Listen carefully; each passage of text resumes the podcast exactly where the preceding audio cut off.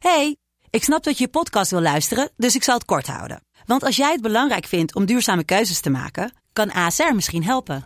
Nou hoor ik je denken, hoe dan? Nou, bijvoorbeeld bij het duurzaam herstellen van schade. Of de premies die we beleggen volgens ons duurzaam beleggingsbeleid. Dat bepaalt waar we wel en juist niet in investeren. Wil je meer weten over welke duurzame keuzes ASR maakt? Ga dan naar asr.nl slash duurzame keuzes. ASR doet het. Zo, dan kan je nu lekker naar je podcast luisteren. Eh, revolutie. Jawel, is goed. Dat gaan we doen. Maar voordat we beginnen aan de revolutie, die Wilde Haren de podcast is, moet ik even mededelen van onze sponsoren. Dat Wilde Haren de podcast mede wordt mogelijk gemaakt door Wilde Haren de podcast. En daarom sommeren we jullie allemaal om te gaan naar petje.af slash Wilde Haren. Om Wilde Haren de podcast te supporten. Ehm, ja, doneer, doneer, doneer rijkelijk. Help ons. Bijvoorbeeld met een eurotje of drie per aflevering. Maar dat is maar een suggestie. Je kunt doen wat je wil. Petje.af slash wilde haren, daar kun je heen. Je kunt ook naar instagram.com slash wilde haren de podcast. Of twitter.com slash wilde haren de pc. Of youtube.com slash wilde haren de podcast. Of je gaat even naar de podcast app van iTunes. Al waar je op zoek gaat naar wilde haren de podcast. En daar abonneer je en laat je comments achter. En reviews en ratings en, all that good stuff. En dan zeg je van, oh my god, wilde haren de podcast man. Ja, change my life. Shout-out naar Ramplan Twan. Bijvoorbeeld. Whatever you like. En dan zonder verder ado gaan we luisteren naar aflevering 12 van seizoen 5 van Wilde Haren de podcast. Met Sion Tsao. Zij is een dame die zichzelf omschrijft als een creative, een feminist en een Dutch activist. Um, is uh, meermaals, heeft zich meermaals uitgesproken um, tegen racisme, tegen Chinezen. Um, zij is zelf van Chinese afkomst. En uh, onlangs ook in een situatie waar ik persoonlijk ook bij betrokken was. En ook daar gaan we het over hebben. Over racisme in het algemeen. Uh, en over racisme tegen specifieke bevolkingsgroepen. Zoals de Chinese bevolkingsgroep. Uh, wat veelal een onderbelichte groep is in deze discussie. Um, ja, stay tuned. Het is een interessant gesprek. Wat in ieder geval voor mij persoonlijk ook wel weer het een en ander heeft um, blootgelegd.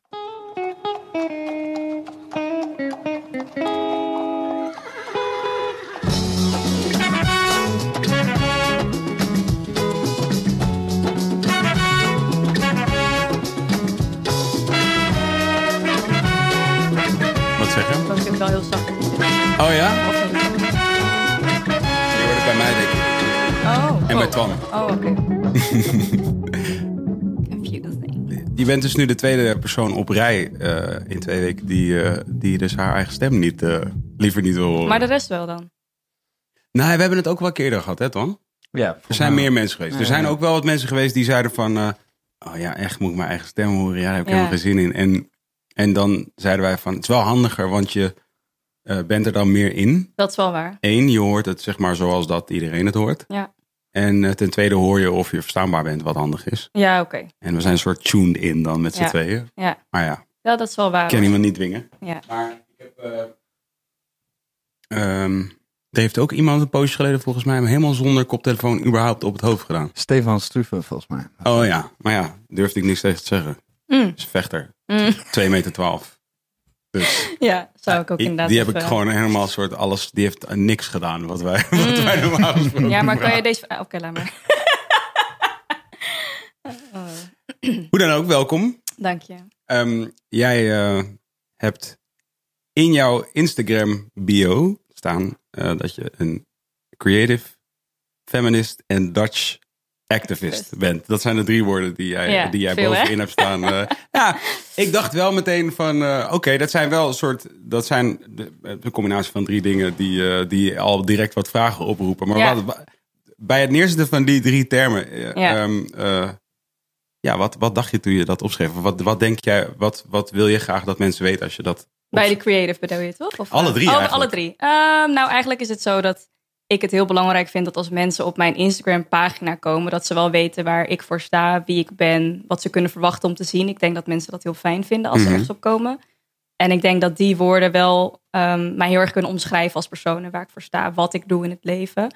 En creatief is gewoon ja, mijn uiting als persoon eigenlijk. Heb ik vanaf kleins af aan al dat ik dus ja, mezelf laat zien via kunst. Mhm. En dat ik onlangs ook heb besloten om daar ook een eh, ja, professioneel ja, functie mee uit te voeren, laat ik het zo zeggen. En daarnaast, ehm, ja, feminist en activist zijn gewoon dingen die je, ja, je wel moet uitspreken. Als mensen dat niet verwachten, dan vinden ze dat al heel snel te heftig. En als ze dat van tevoren weten, dan denken ze, oh oké, chill, weet je wel. Ja, ja, ja. Ja. Is dat dan niet, zeg maar, tactisch gezien handig om ze er misschien, misschien in te Luisteren. luren met alleen creative en dan Ja. hit them with the truth? Ja, nee, niet dus echt. Ik merk wel ehm, dat ik dat vroeger heb ik dat heel lang gedaan. Zo van, oh, ik durf niet activistisch bezig te zijn, dus ik ga alleen laten weten dat ik mooie dingen maak. Mhm. Maar ik merk dat ik dan zo'n groot deel van mezelf constant in moet houden of zo. Omdat ik zo bang ben om dus die reactie te krijgen van mensen die het misschien niet relaxed vinden. En nou ja, als ze het al voorhand al weten, kunnen ze eigenlijk nooit daarna zeggen van... oh, wat kut dat je dit allemaal post, zeg maar, Ja, ja. weet je wel. Dus dat vind ik wel fijn. En het specifiek en het Dutch gedeelte? Ja, dat had ik heel lang niet hoor. Ik had heel lang zeg maar mijn eh, Instagram gewoon Engels gelaten. Ja. Maar ik dacht, ja, ik ben wel Nederlands, weet je wel. Ik ben gewoon hier geboren. En ik merkte dat, tot, dat dat toch wel miste, zeg maar. En dat ik ook wel nu zie dat heel veel mensen die uit Nederland komen... me eerder durven te volgen. Omdat ze denken, oh, ze is Nederlands of zo. Ja, dat is misschien toch een drempel voor veel mensen. Ja, ja, ja. Ja. Oké, maar dus, dus laat ik zeggen, eh, being een Dutch activist is, Ja. is voor jou niet per se iets Nee. anders dan being an activist. Nee, nee, nee, totaal niet. Het is meer van, ik ben in Nederland geboren. Ik ben een Nederlander, dus Ja, ik ben een Nederlandse activiste. Hoe, hoe, ehm, hoe uitzicht dat bij jou? Ja, Zeg maar, wat, Ehm, wat, wat, wat is voor jou activisme? Ja, eh, activisme is voor mij eigenlijk eh, bepaalde problemen aankaarten door bijvoorbeeld dingen te reposten, dingen op mijn stories te plaatsen, er überhaupt een gesprek op gang te brengen eigenlijk met mensen die misschien normaal gesproken hun ogen ervoor zouden sluiten. Meelopen met demonstraties, heel veel naar eh, lezingen gaan, avonden waar je echt ehm, panels hebt en waar je superveel kan leren over bepaalde onderwerpen waar je misschien zelf niet zoveel van af weet. Ehm, ja, dat eigenlijk wel echt het gesprek voeren, denk ik vooral. Wat heeft jou, er, wat heeft jou ertoe eh gebracht? Laat ik zeggen, wanneer in je leven eh, wist je dat dat belangrijk voor jou werd? Hmm, ik denk dat ik als persoon echt vanaf kleins af aan altijd al heel erg rebels ben geweest. En heel goed wist ehm, hoeveel onrecht er was in de wereld. Omdat ik zelf zeg maar als klein Chinees meisje op een Nederlandse school kom... waar zeg maar niemand Chinees is. En je dan al heel snel merkt dat je een bepaalde achterstand hebt, zeg maar. Was dit in, waar was dit? Oh, en dat was gewoon in de Bijlmer, zeg maar, in Amsterdam dan. Ehm, dus daar zelfs ook, terwijl je daar zou zeggen dat het juist heel multicultureel is. Maar Mhm. ehm, ik denk dat dat echt al heel vroeg begon. En mijn vader is dus in Nederland geboren, ook als Chinese man. En hij heeft ook een bepaalde frustratie meegenomen van al zijn jaren.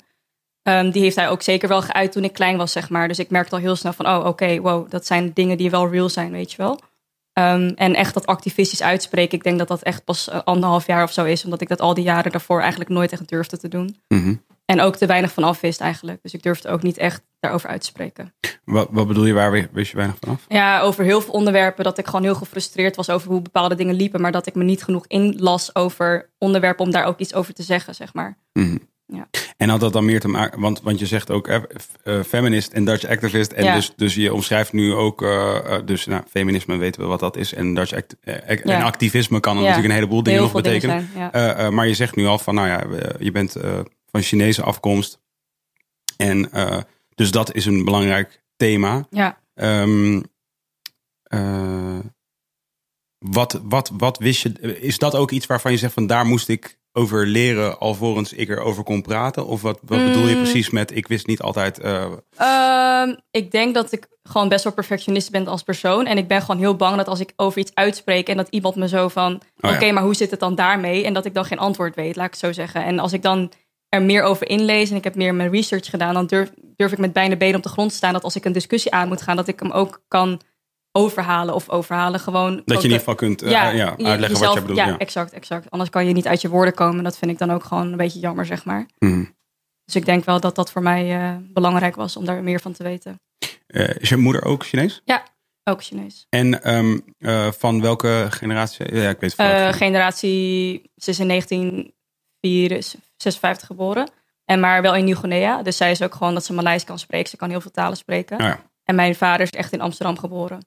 Dus ehm, dat heeft ook wel invloed gehad op mijn, mij als persoon, zeg maar. Dat ik ook wel wat meer welbespraakt ben dan de meeste Chinese mensen van mijn leeftijd. Omdat die meestal echt met Chinese ouders zijn opgegroeid die geen eens Nederlands kunnen spreken, zeg maar. Ja. Ehm, je vertelde dat je vader dus al vertelde over zijn opgroeien in Nederland. Wat waren de verhalen die hij jou vertelde? Ja, echt eh, dat hij als enige Chinees überhaupt op school zat. Met helemaal geen buitenlanders eigenlijk. En dat hij zijn hele leven lang heel erg het gevoel had ehm, dat hij achter werd gesteld vergeleken met de rest van de kinderen, zeg maar. En daardoor gewoon heel lang, eh, het heeft hem heel lang dwars gezeten dat hij bepaalde dingen niet heeft uit kunnen voeren zoals hij wilde. Hij heeft natuurlijk heel erg, ehm, nou natuurlijk, hij heeft gewoon heel erg een passie gehad voor voetbal bijvoorbeeld. En heel erg een passie voor theater. En hij merkte dat dat gewoon twee dingen zijn die in de Chinese cultuur die zeg maar niet vanzelfsprekend zijn. Want je hoort eigenlijk een hoogstudie te volgen en die pad te bewandelen zonder eh, met, met een zekerheid dat je een baan gaat krijgen. Laat ik Is zo dat zo in, laat ik zeggen, de Chinese cultuur of specifiek voor de Chinezen die in Nederland waren? Mm, ja, Chinese cultuur in het algemeen. Echt hoogstudie is wel heel belangrijk voor de, ja, voor de Chinezen. Mhm. Ja, zeker. En eh, ja, dat, dat merkte hij gewoon heel erg. En ook eh, de achterstand. En ook met zijn vader, zeg maar. Dat was een hele moeilijke band. En zijn moeder, die stierf best wel op, zijn, op jonge leeftijd. Dus dat heeft hem best wel geraakt. En gewoon vaak op straat uitgescholden worden. Ook toen ik heel klein was en met mijn vader rondliep, zeg maar. Heel vaak uitgescholden worden. Dus ehm, In Amsterdam. ja, ook in Amsterdam. Maar ook gewoon ergens anders, maakt niet zoveel uit. Maar het gebeurde gewoon. En daar ben je wel heel snel bewust van. Ehm, nu is dus de aanleiding eh, dat je hier bent, onder andere, Ja. eh, ehm, is dat je dus, je, je heb je in de, recentelijk spreek jij vaker uit. Ja. Eh, ik ga dit proberen om zo goed mogelijk te omschrijven. Vertel me alsjeblieft wanneer het, eh, wanneer het niet goed gaat. Maar, eh, en onlangs was het zo dat er een videoclip uitkwam van Broederliefde. Ja. Ehm, eh, waarin het liedje heet Hoe Lang. En waarin een Chinese, een, x-aantal Chinese mensen de hoofdrol spelen in de videoclip. Mhm. En een van die Chinezen heet ook Hoe Lang. Mhm. En ehm, hier sprak je je over uit. Mhm. En dat leidde tot weer eh, ja, nog veel meer gesprekken. Kun je vertellen wat, Ja. wat precies, eh, ja, hoe dat precies ging? Nou ja, eigenlijk is het hele verhaal ehm, dat ik zelf ben gevraagd om die casting te verzorgen. Dus er is aan mij gevraagd: Hey Xiu Yang, eh, er komt een nieuwe clip uit van Temong. En wij hebben een aantal Chinese mensen nodig. Misschien ken jij er wel een paar. En Ja. ik was eigenlijk gelijk heel erg ja, enthousiast. Want ik dacht, oh wat leuk. En die Chinezen krijgen eindelijk een platform. En weet je wel, meer, ja, gewoon wat meer ruimte om ook hun gezicht te laten zien. Dus ik was daar heel enthousiast over. En ik heb echt heel veel moeite gedaan om dat soort van bij elkaar te sprokkelen. Namen door te sturen, profielen door te sturen. En ehm, ook aan mijn vader en mijn broer gevraagd. Want ze zochten ook mannen natuurlijk. En toen heb ik wel expliciet gevraagd. Want mijn vader zei, ik wil alleen meedoen als Chinese mensen niet belachelijk worden gemaakt in de clip. Anders heeft het voor mij geen zin. Dus ik zei, oh nee, tuurlijk ga ik zeker vragen. Dus ik had dat gevraagd. En toen zei ze, zei ze expliciet van, nee, dat gaat niet gebeuren, obviously. En ik dacht ook van, dat gaat ook niet gebeuren, weet je wel. En op een gegeven moment kwam die clip dus uit. En ik heb daar echt vol, weet je wel, vol verwachting zo zitten wachten van, yes, hij komt uit, leuk. En ik ging die clip kijken en ik dacht van, oh cool, cool, Peaky Blinders, weet je wel. Dus ik zo langzaam kijken. En ik merkte gewoon dat er steeds meer een vibe om me heen kwam. Dat ik dacht van, Ja, Gaat de verkeerde kant op. ja, dat is niet. Maar eerst dacht ik heel erg van, misschien ligt het gewoon aan mij. En ben ik snel op mijn, weet je, op mijn tenen getrapt en voel ik me nu gewoon heel vervelend erover. En toen dacht ik, ja, nee, ik voel me er gewoon oprecht niet chill bij. En ik kan me heel goed voorstellen dat heel veel mensen zich er niet chill bij voelen, zeg maar. En het ging niet eens om de zin, maar echt puur om die clip die eromheen is gebouwd. Die het Ja. zo heeft uitvergroot eigenlijk. En ehm, de benamingen van die Chinezen en hoe lang en weet je wel. Dus dat ik dacht van, ja, oké. Ehm, dus ik dacht, oké, ik ga het even laten, even bezinken. En toen misschien een uur later of zo heb ik toch degene die mij had gevraagd voor die casting, had ik toch even geappt. Uh, hey, ehm, ik moet gewoon eerlijk toegeven dat het me echt wel dwars zit. En ik vind het toch wel heel jammer dat het zo is gegaan. Ik weet niet in hoeverre jij hier iets mee te maken hebt gehad, maar weet wel dat vanuit mijn perspectief ik het niet heel prettig vind. Ehm, is hierover nagedacht? Wat is precies de beweegreden hiervan? Kan je misschien meer vertellen? En zij heeft wel gelijk gezegd van je bent niet de enige die dat vindt, zeg maar. En ik vind het ook best wel chockerend om nu die lyrics te lezen en die clip echt te zien. Want ik wist niet überhaupt dat dat zo diep daarover zou gaan, zeg maar. Dus ehm, ja, dus dat, dat bevestigde eigenlijk wel heel erg mijn gevoel. Dat ik dus blijkbaar niet de enige was die, erover zo, die er zo over dacht. Toen heb ik dus eigenlijk ook gelijk eh, ja, Winta via Topnotch dan eh, geappt, zeg maar. Omdat ik haar dus wel persoonlijk ken. En ik dacht, ja, zij kan mij misschien persoonlijker vertellen eh, wat de reden daarvan is. Of in ieder geval of er iets gedaan kan worden of zo. Toen heeft ze niet gereageerd. En daardoor raakte ik een beetje zo van... oh, oké, ik voelde me een beetje gefrustreerd. En toen heb ik het op Instagram gegooid. Mm. Om gewoon het even aan te kaarten. En ook om reacties te verwachten. Want misschien zijn er wel een aantal die zeggen van... waar heb je het over, weet je wel. Maar nee, iedereen was het eigenlijk heel erg met me eens. En ehm, het werd eigenlijk alleen maar meer bevestigd... dat het gewoon echt een ding was. Ehm, achteraf eh, bleek dus ook dat een van de leden van Broederliefde... ook nog een andere story had geplaatst... van hoe lang is een Chinees, hoe, hoe wie is zijn zus... en hoe heet zijn hond of zo. Ja, de En- oude mop. Ja, een andere Ja. mop weer. Die zeg maar dat nog eens versterkte. Ja. Eigenlijk was ik op dat punt al klaar. En toen dacht ik, oké, dit is eigenlijk alleen maar een bevestiging dat het wel eh, denigrerend bedoeld was, Ja, zeg ja. maar. En ehm, eh, ehm, oké, dus dit is, de, dit is de situatie. En eh, vervolgens kwam dat dus inderdaad ook bij ons terecht. Want voor de duidelijkheid, dat, dat weet je. Ik, heb, ik heb natuurlijk direct te maken ook met, met Topnoes. En eh, ehm, toen dacht ik eigenlijk van, misschien is het een goed idee om eigenlijk met jou hier te praten erover. Omdat we dan gewoon eh, ja, het wat langer kunnen praten. Ja, toch? En, Ja. en, en ook eh, omdat voor jouw informatie en, ik, en dus ook voor iedereen's informatie die, die, die, dat, die dat gevolgd heeft. Van dat, wat er gebeurt op zo'n moment is dat dat bij ons, want we zijn natuurlijk ook met een grote groep. En inderdaad, zoals je zelf ook al aankaartte, in ieder geval in wat ik heb kunnen lezen en zien, wat je, de filmpjes die had gemaakt en de, en de comments die had geplaatst.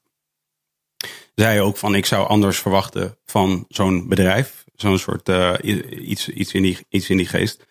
Eh, wat dus inderdaad bij ons dus ook dan leidt tot intern eigenlijk ook discussie erover. Ja. Dat, is voor, dat gebeurt eigenlijk altijd. Het was ook eh, best wel ironisch, omdat het een, misschien een week was na dat Seven eh, Ja, ehm, eh, zich uit heeft gesproken tegen Zwarte Cross. Eh, die, hij was hier Ja. twee weken geleden. ja. En eh, met hem heb ik dus ook heel uitvoerig gesproken Ja. over dingen. En, en daar, eh, waar je dan dus nou ja, met hem aan het praten bent over dat het inderdaad Mhm. weet je, niet oké is. Of in ieder geval dat hij het niet oké vindt. En dat dat te begrijpen is. En dat hij dus dan vervolgens ook zegt van ik wil daar gewoon dan verder niets mee te maken hebben. En ik distancieer me van die situatie. Mhm. En daarin geef je een bijval. En eigenlijk, eh, eh, daar hebben we dan als bedrijf ook een gesprek over onderling. Weet je, van Mhm. oh ja, nou, dit en dit is gebeurd en we zitten er zo en zo in. En dan eh, een week later gebeurt dit. Ja. En dan ineens heb je dus een, eigenlijk een, een, een gesprek dat qua thema soort gelijk is. Zeker. Alleen, laat ik zeggen, voel je je in ieder geval ineens aan de andere kant van de tafel. Ja. Of aan, aan, de, aan de, in, in de andere ja, rol. ja. Terwijl je dat Niet voor zo, de duidelijkheid ja. absoluut natuurlijk niet wenst Nee, eh, te nee. zitten. Ja. En ehm, eh, wat het moeilijke dan ook vervolgens is, en dat vind ik eigenlijk best wel belangrijk om daar een soort inzage in te geven, eh, zeker vanuit een team dat, dat daar inderdaad heel erg om geeft. En, en, en een, en een ja, bedrijf, ik vind dat altijd een beetje kut om het een bedrijf te noemen, want dat klinkt dan alsof we weet je, een soort lopende band hebben en daar komen dan Ja, weet ja, veel ja. Speelgoed vanaf Nee, of zo. Dat is niet. wat- Maar we zijn een team, we zijn gewoon een, groep mensen die samen iets doen. En die groep is gegroeid over de jaren en die, die origineert van, van ergens vandaan. En dus de idealen eh, ja, vervormen met dat de groep vormt, zeg maar. Dus, dus het, het start, als het start met één iemand, dan is het bedrijfsideaal is het ideaal van die ene persoon. En naarmate het groeit, verandert het een klein beetje. Maar ehm, natuurlijk zijn er hele harde eh, punten die, eh, die bij ons ja, eh, Horen. heel duidelijk en voor, voorop staan. Ja.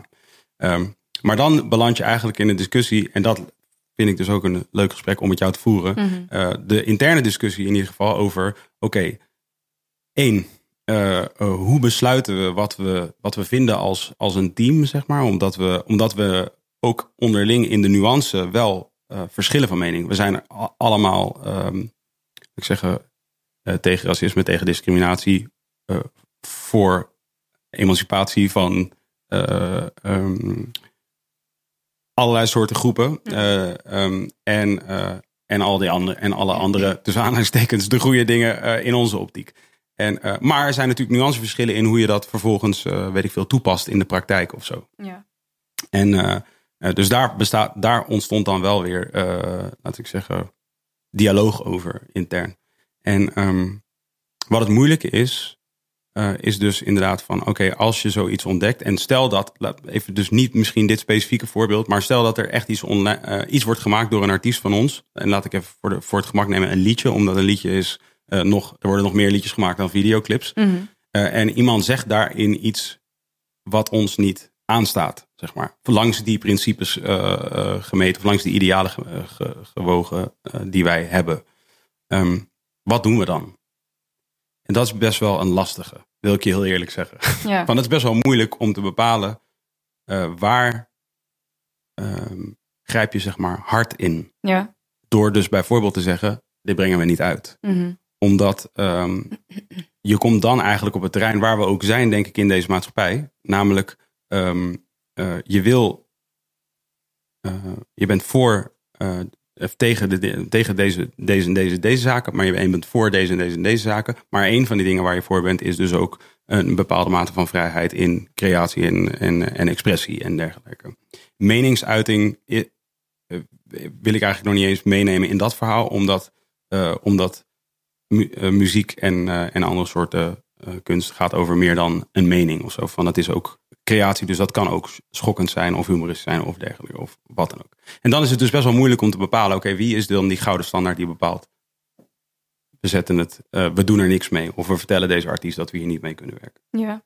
En ik vroeg mij eigenlijk af, wat, hoe zit je, wat denk jij daarvan? Uh, ik had dit gesprek ook met Winter eigenlijk over de telefoon.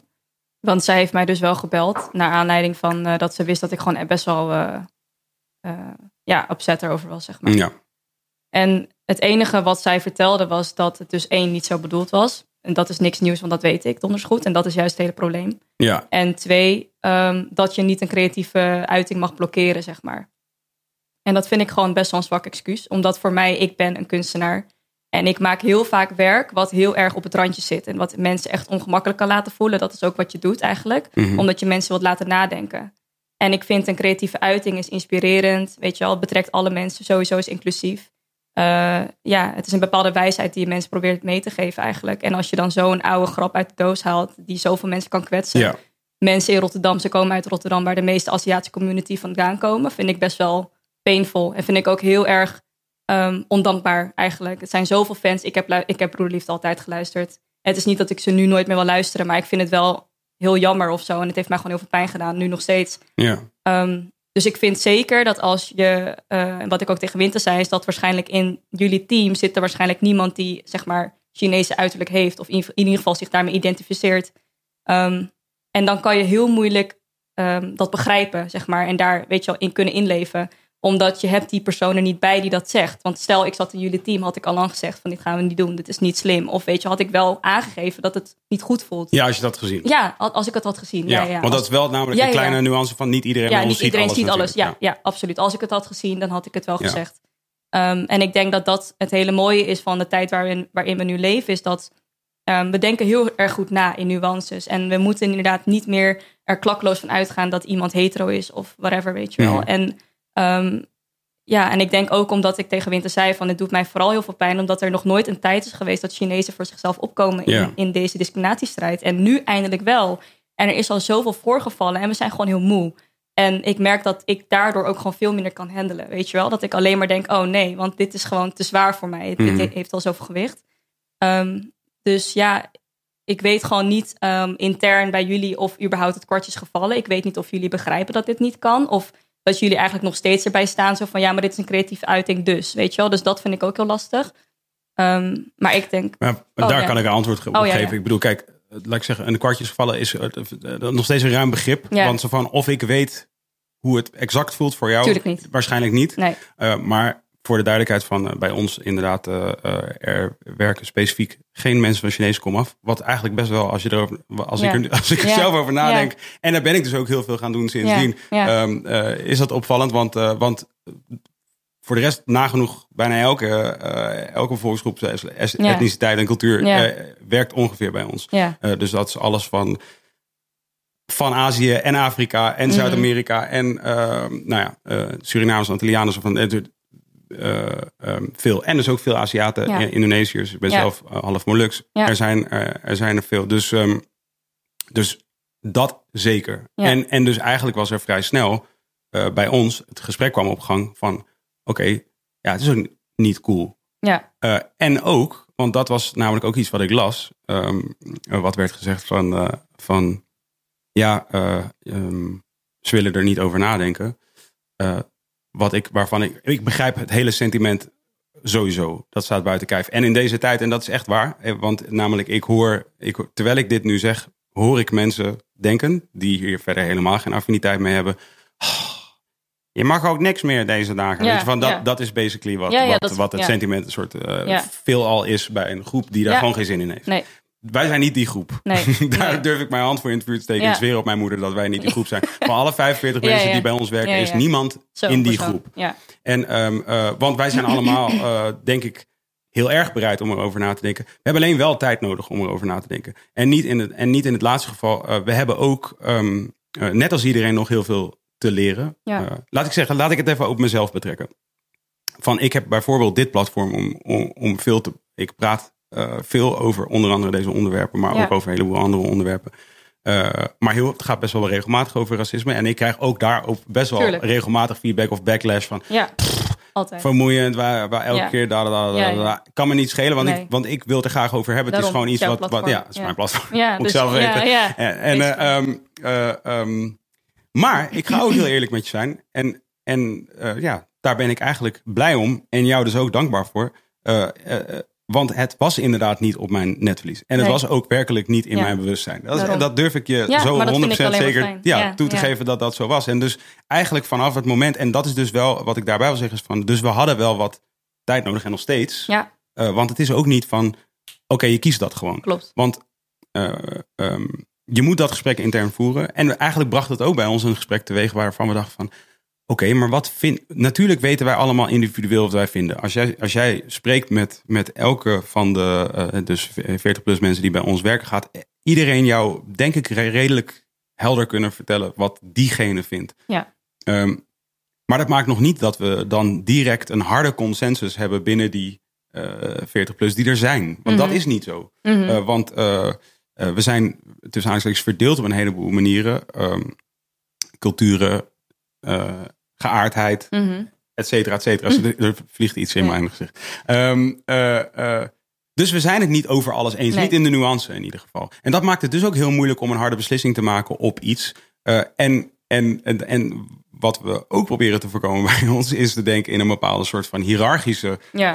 uh, um, vorm. Waarin ik bij wijze van spreken het besluit neem. Want Ja. dat wil ik ook niet. Want Nee. ik wil niet voorbij gaan aan de gevoelens van iemand die, die bij ons werkt. Die het helemaal niet eens is met mijn besluit. Dus laat ik zeggen dat ik zeg. Oké, dus wij van spreken verwijderen deze videoclip. Want we zijn het er niet mee. Of ik ben het er niet mee eens. Maar dat iemand in mijn team zit die zegt van nou dat vind ik echt te ver gaan. Want dat strookt niet met mijn principes. Maar hoe doen jullie dat dan? Zeg Dus we ook? praten daarover. en, en dat kost wat tijd. Ja. Want we zijn uh, uh, uh, een heel groot deel van wat wij doen is. Um, nou ja, wij zijn een commercieel bedrijf. Ja. Dat, dat, Dat zijn is we. zo, dat ja. is, dat, dat, daar uh, jokken we ook niet over. Dat is wat Mhm. we zijn. Ja. Uh, maar we hebben wel inderdaad een sterke uh, idealistische hang. Um, dat hebben we. Ja.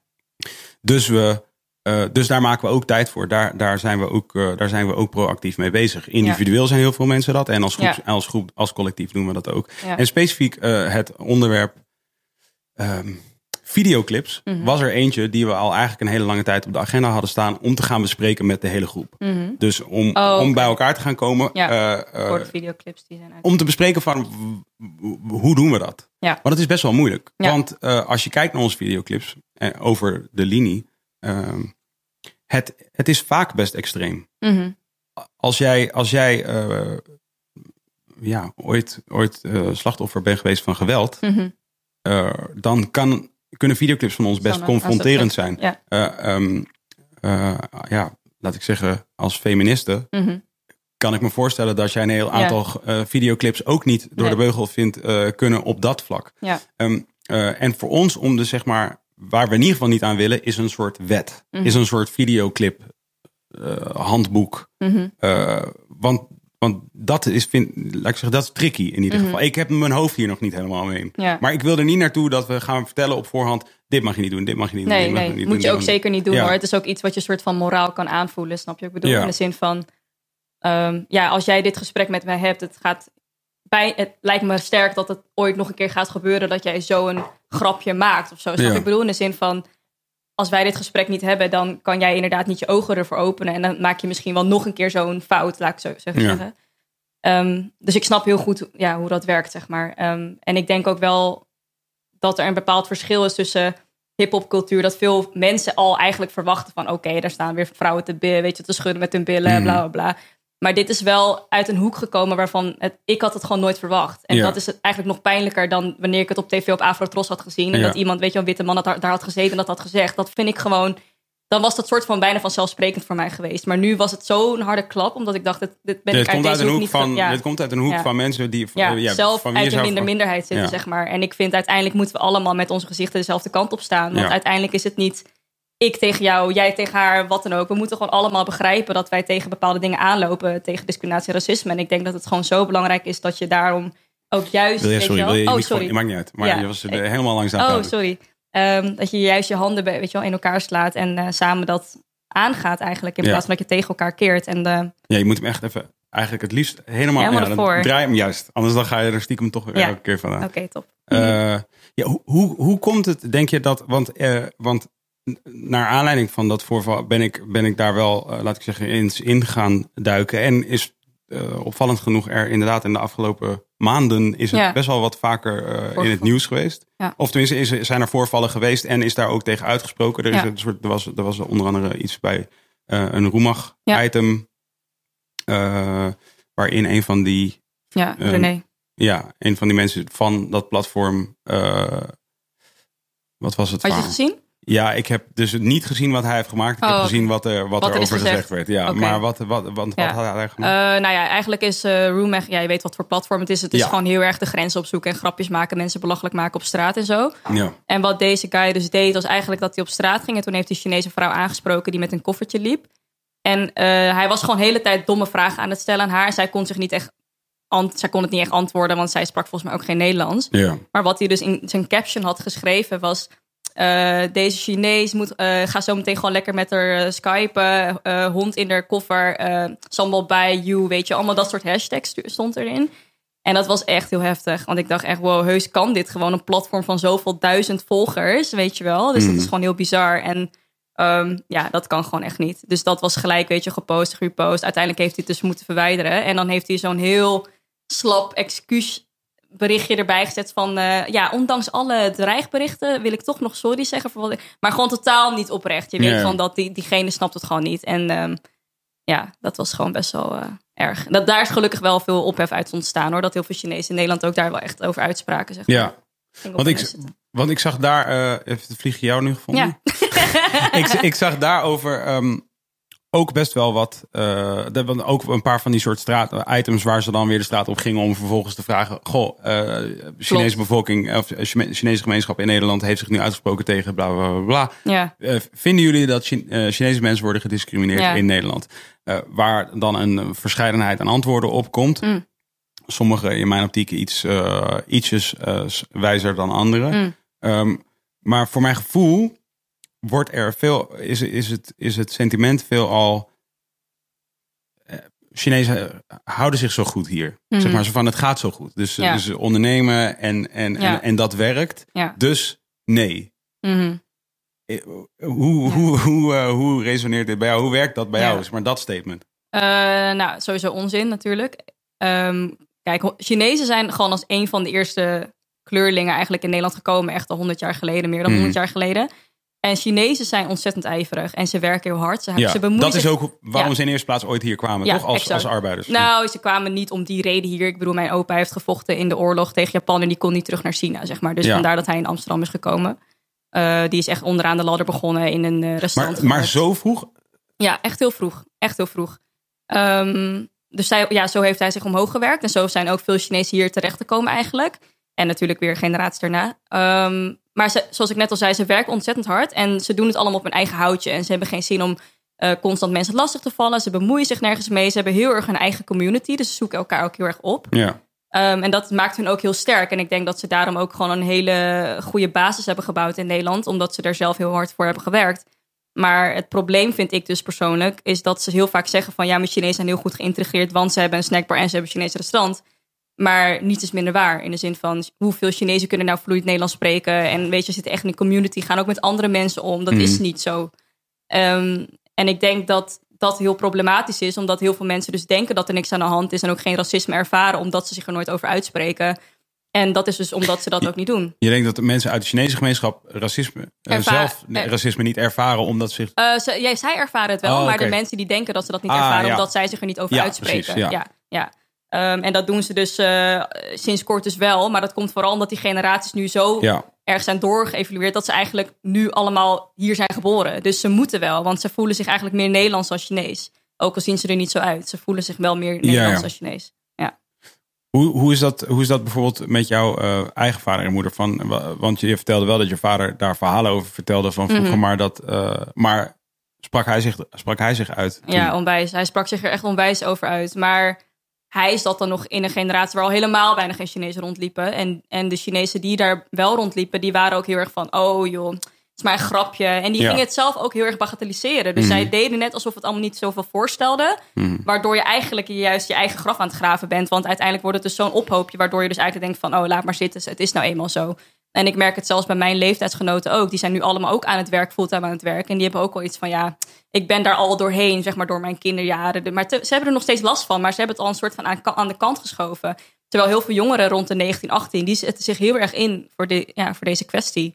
Omdat zij eh, echt het gevoel hebben dat het nu hun nog heel erg aangaat. En dat het nog steeds in de toekomst aan zal gaan. Maar ik heb vooral dat ik ook heel erg denk van, ja, ik ga binnenkort ook misschien aan kinderen beginnen. En ik wil niet dat ze op een, weet je wel, in een land terechtkomen waar nog steeds dit eigenlijk gebeurt. Het is gewoon best wel bizar, toch? Ja. Na zoveel jaar. Ja.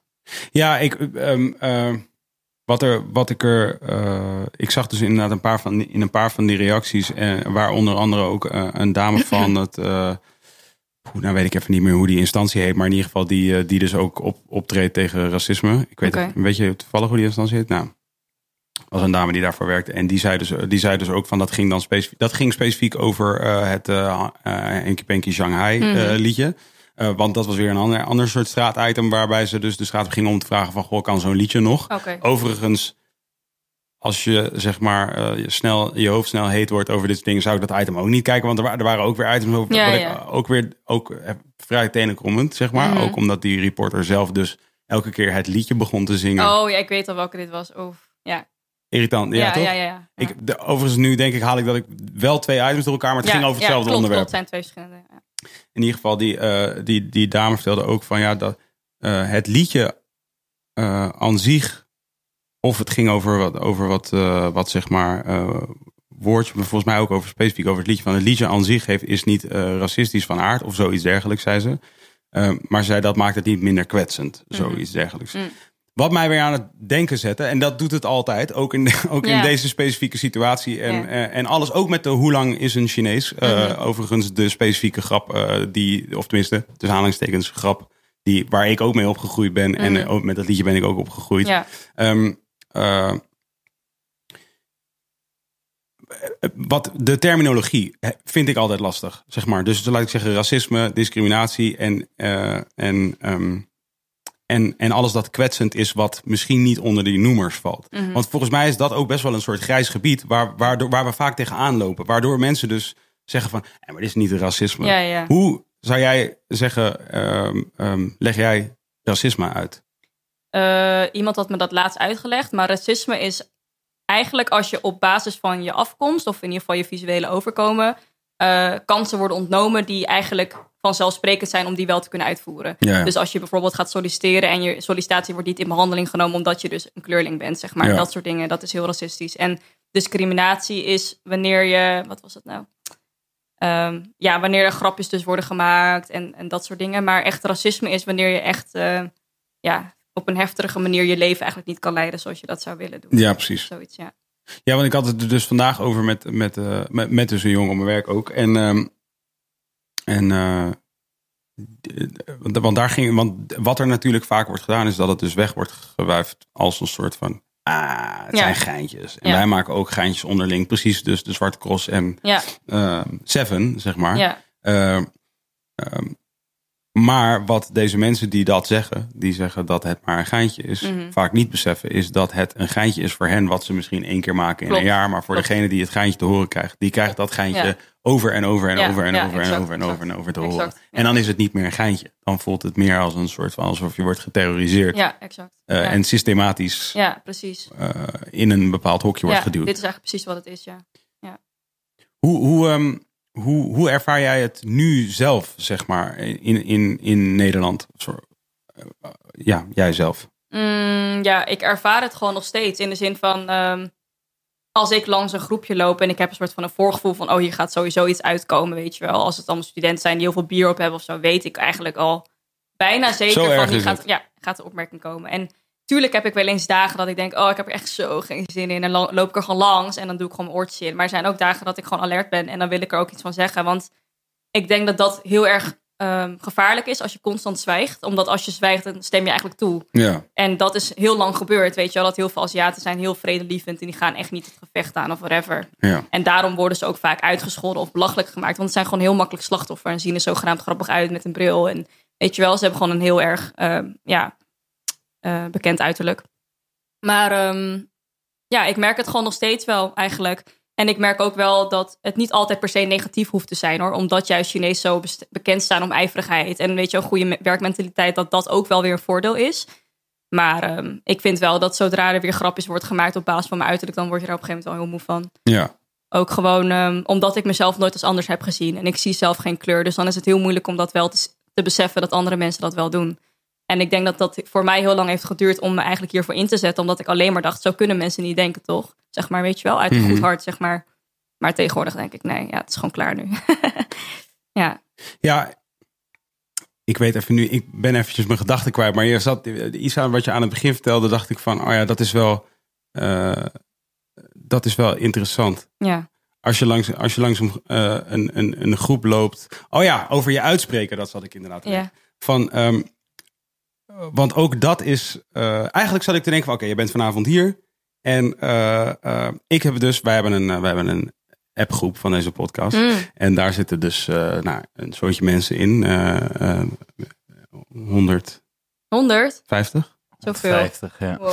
Er zitten 150 mensen in. Superveel. ja, ja, zijn er ook een beetje. Het zijn er niet te veel, maar het is wel veel als in die als je 's ochtends wakker wordt, staan er Ja. iets van 700 ongelezen berichten in die app. ik wist niet dat je zoveel mensen kon toevoegen, joh. Je kan tot 250 mensen kun je dan- Ziek. 80. Hoeveel? Wow, 280. 280. 280 mensen kun je toevoegen. Hoe dan ook. Ehm, eh, wat het leuke daaraan is, nog anders dan, laat ik zeggen, een comment-sectie op YouTube of een, eh, of een comment-sectie op Instagram of dat soort dingen. eh, is dat, je dus, dat we dus in die appgroep, eh, dit zijn mensen die zeg maar echt supporters zijn en, en, en echt altijd luisteren naar deze podcast. Mm. Waar ik dus een soort van tevoren klakkeloos van uitging, was oké, iedereen die daarin terechtkomt, denkt zoals ik. Mm, ja, dat is een grote fout. Ja, Ja, ja. dat was wat ik Ja. soort van, nou, oké, Ja. dat, dat gebeurt. Je Mhm. weet toch van, eh, Ja. eh, want ja, anders, ik ouwehoer zoveel op deze shit, Ja. dat als je mij, als je mij of mijn mening ook Ja. maar zo'n klein beetje vervelend ja, vindt, dan ga je toch niet dan luisteren. wil je Ja, niet, ja. dan, het laatste wat je dan wil is in een appgroep Ja. met mij, weet je? Ja, ja. En, ehm, maar, wat ik, maar wat ik dus daar zie, en dit is no offense naar alle lieve dames en heren in deze appgroep, maar zeg maar, wat ik daar wel zie, is dus dat, daar ging toen straks nog een gesprek over, over eh, gasten in deze podcast, of gasten in pod- podcast in het algemeen, is dat ik wel, wel dus zie dat, dat er dus die voorkeur is naar onderwerpen die eh, prettig zijn. Ja, maar wat zou dan een onderwerp zijn die prettig is? Hip-hop. Oh, gewoon over muziek praten. Ja, Eh, ja, andere soort creativiteit is een prettig onderwerp. Eh, eh, wat is nog meer? Humor. Blanke mannen boven de 1. ik, eh, wij hebben een, we hebben een soort geintje dat ik wel eens vraag aan, eh, ik vraag aan de appgroep wel eens van, hey, doe maar suggesties voor gasten. En dan zeg Mm. ik, en dan zeg ik eh, geen witte mannen van boven de 1,75 meter. Dus dat is ook grappig. Omdat Ja. er dus ook werkelijk wat mensen eh, eh, dus daarop eigenlijk begonnen te protesteren. Van Ja, ja, ja. één, de mensen, zeg maar, er waren wel eens een groep die het niet snapte. Die Mhm. zeiden van, wat, Zo? ik, I don't Ja. get it. Ik snap, Ja. ik snap de grap niet. nee. En een andere groep die zei van, eh, van eh, eh, waarom? Mm, Weet je, van, mm. van wat maakt dat uit? Ja, ja, ja. Wat mij dus ook wel weer laat nadenken inderdaad over wat maakt het uit. Ja. En ehm, ik weet even niet meer precies waar ik moest denken. Maar ik moest, nee, nee, nee, ik weet wel Oh, wat ik oh, ging zeggen. Ik oh, weet ja. niet meer wat, wat, mijn, wat mijn train of thought vanmiddag Mm. was. Wat, dit is gebruikelijk voor mij. Ik weet Mm. heel vaak niet meer wat ik, aan- wat ik aan het denken was. Maar eh, eh, ik zat in ieder geval te denken aan... Oké, eh, jij, kwam, jij bent hier dan vanavond. En ik zat te denken van... Oké, dus we gaan het vanavond automatisch hebben over racisme en discriminatie. En die thematiek gaat behandeld Mhm. worden. Wat een van mijn favoriete onderwerpen is... Niet omdat het natuurlijk leuk is, Nee, maar nee. wel omdat het belangrijk is.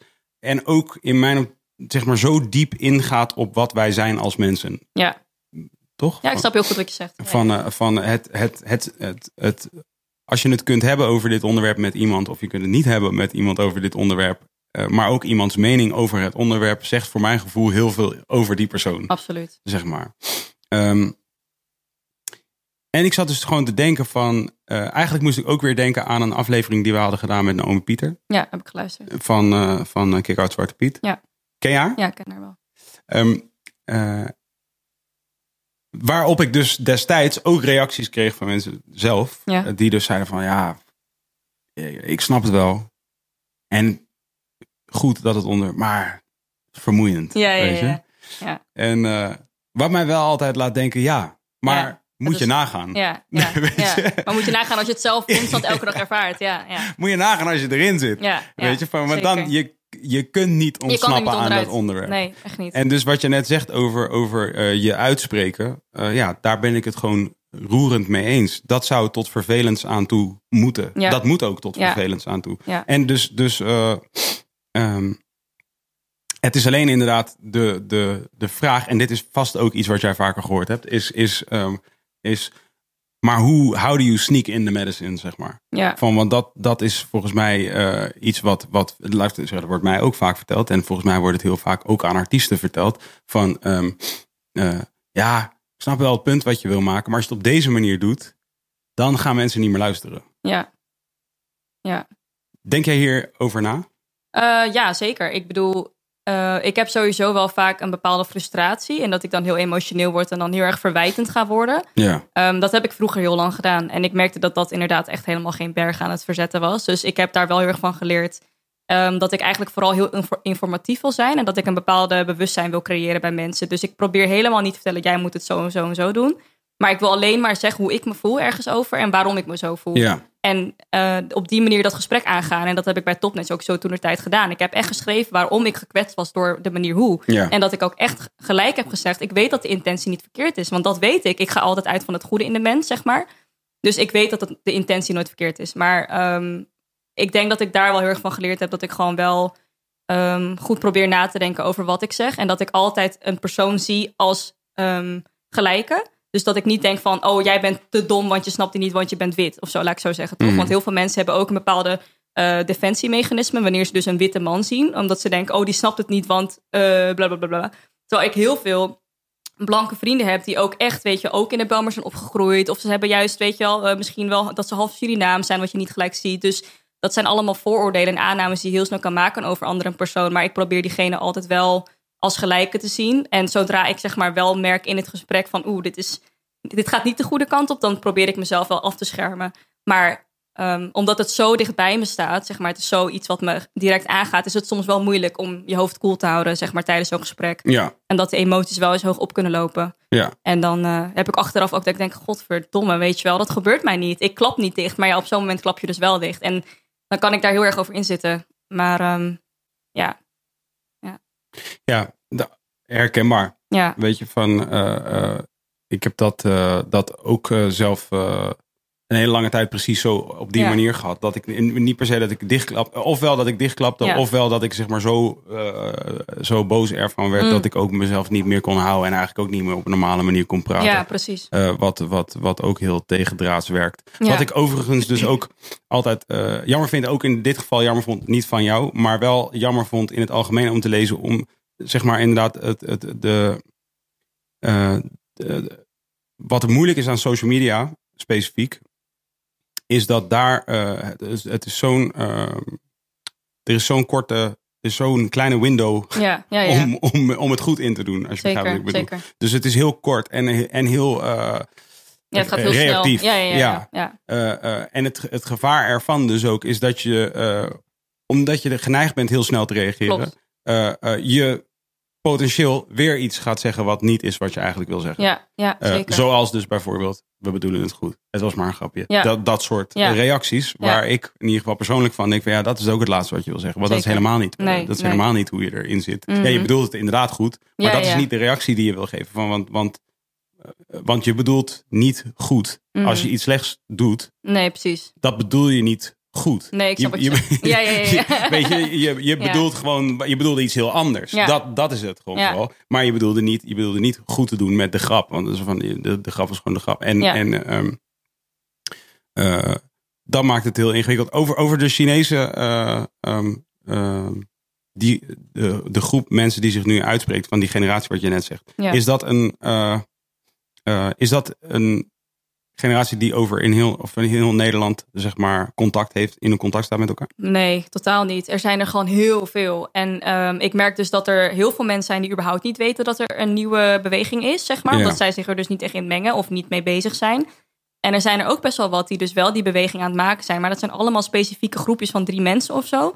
En die vinden elkaar niet. Ehm, en dat is best wel vervelend, vind ik persoonlijk. Ja. Dus ik heb wel laatst eh, bij Pakhuis de Zwijger is er dus ook... eh, voor het eerst was er toen een eh, avond erover geweest. Dat was voordat het incident met broedliefde was dat geweest. Ehm, en dat was best wel uit de hand gelopen. Want je had zeg maar een eerste deel. Dat was dan voor een Chinees meisje en een Zuid-Koreaanse guy die geadopteerd is. En het tweede deel was dan de Molukkers. Maar technisch gezien zijn Molukkers geen Aziaten. En de Molukkers hebben vaak al eigen avonden die ze organiseren. Dus ik vond het heel erg dubbel. Omdat de eerste deel was super vredelievend gelopen. En het was echt heel erg empathisch, mooie spoken word actie.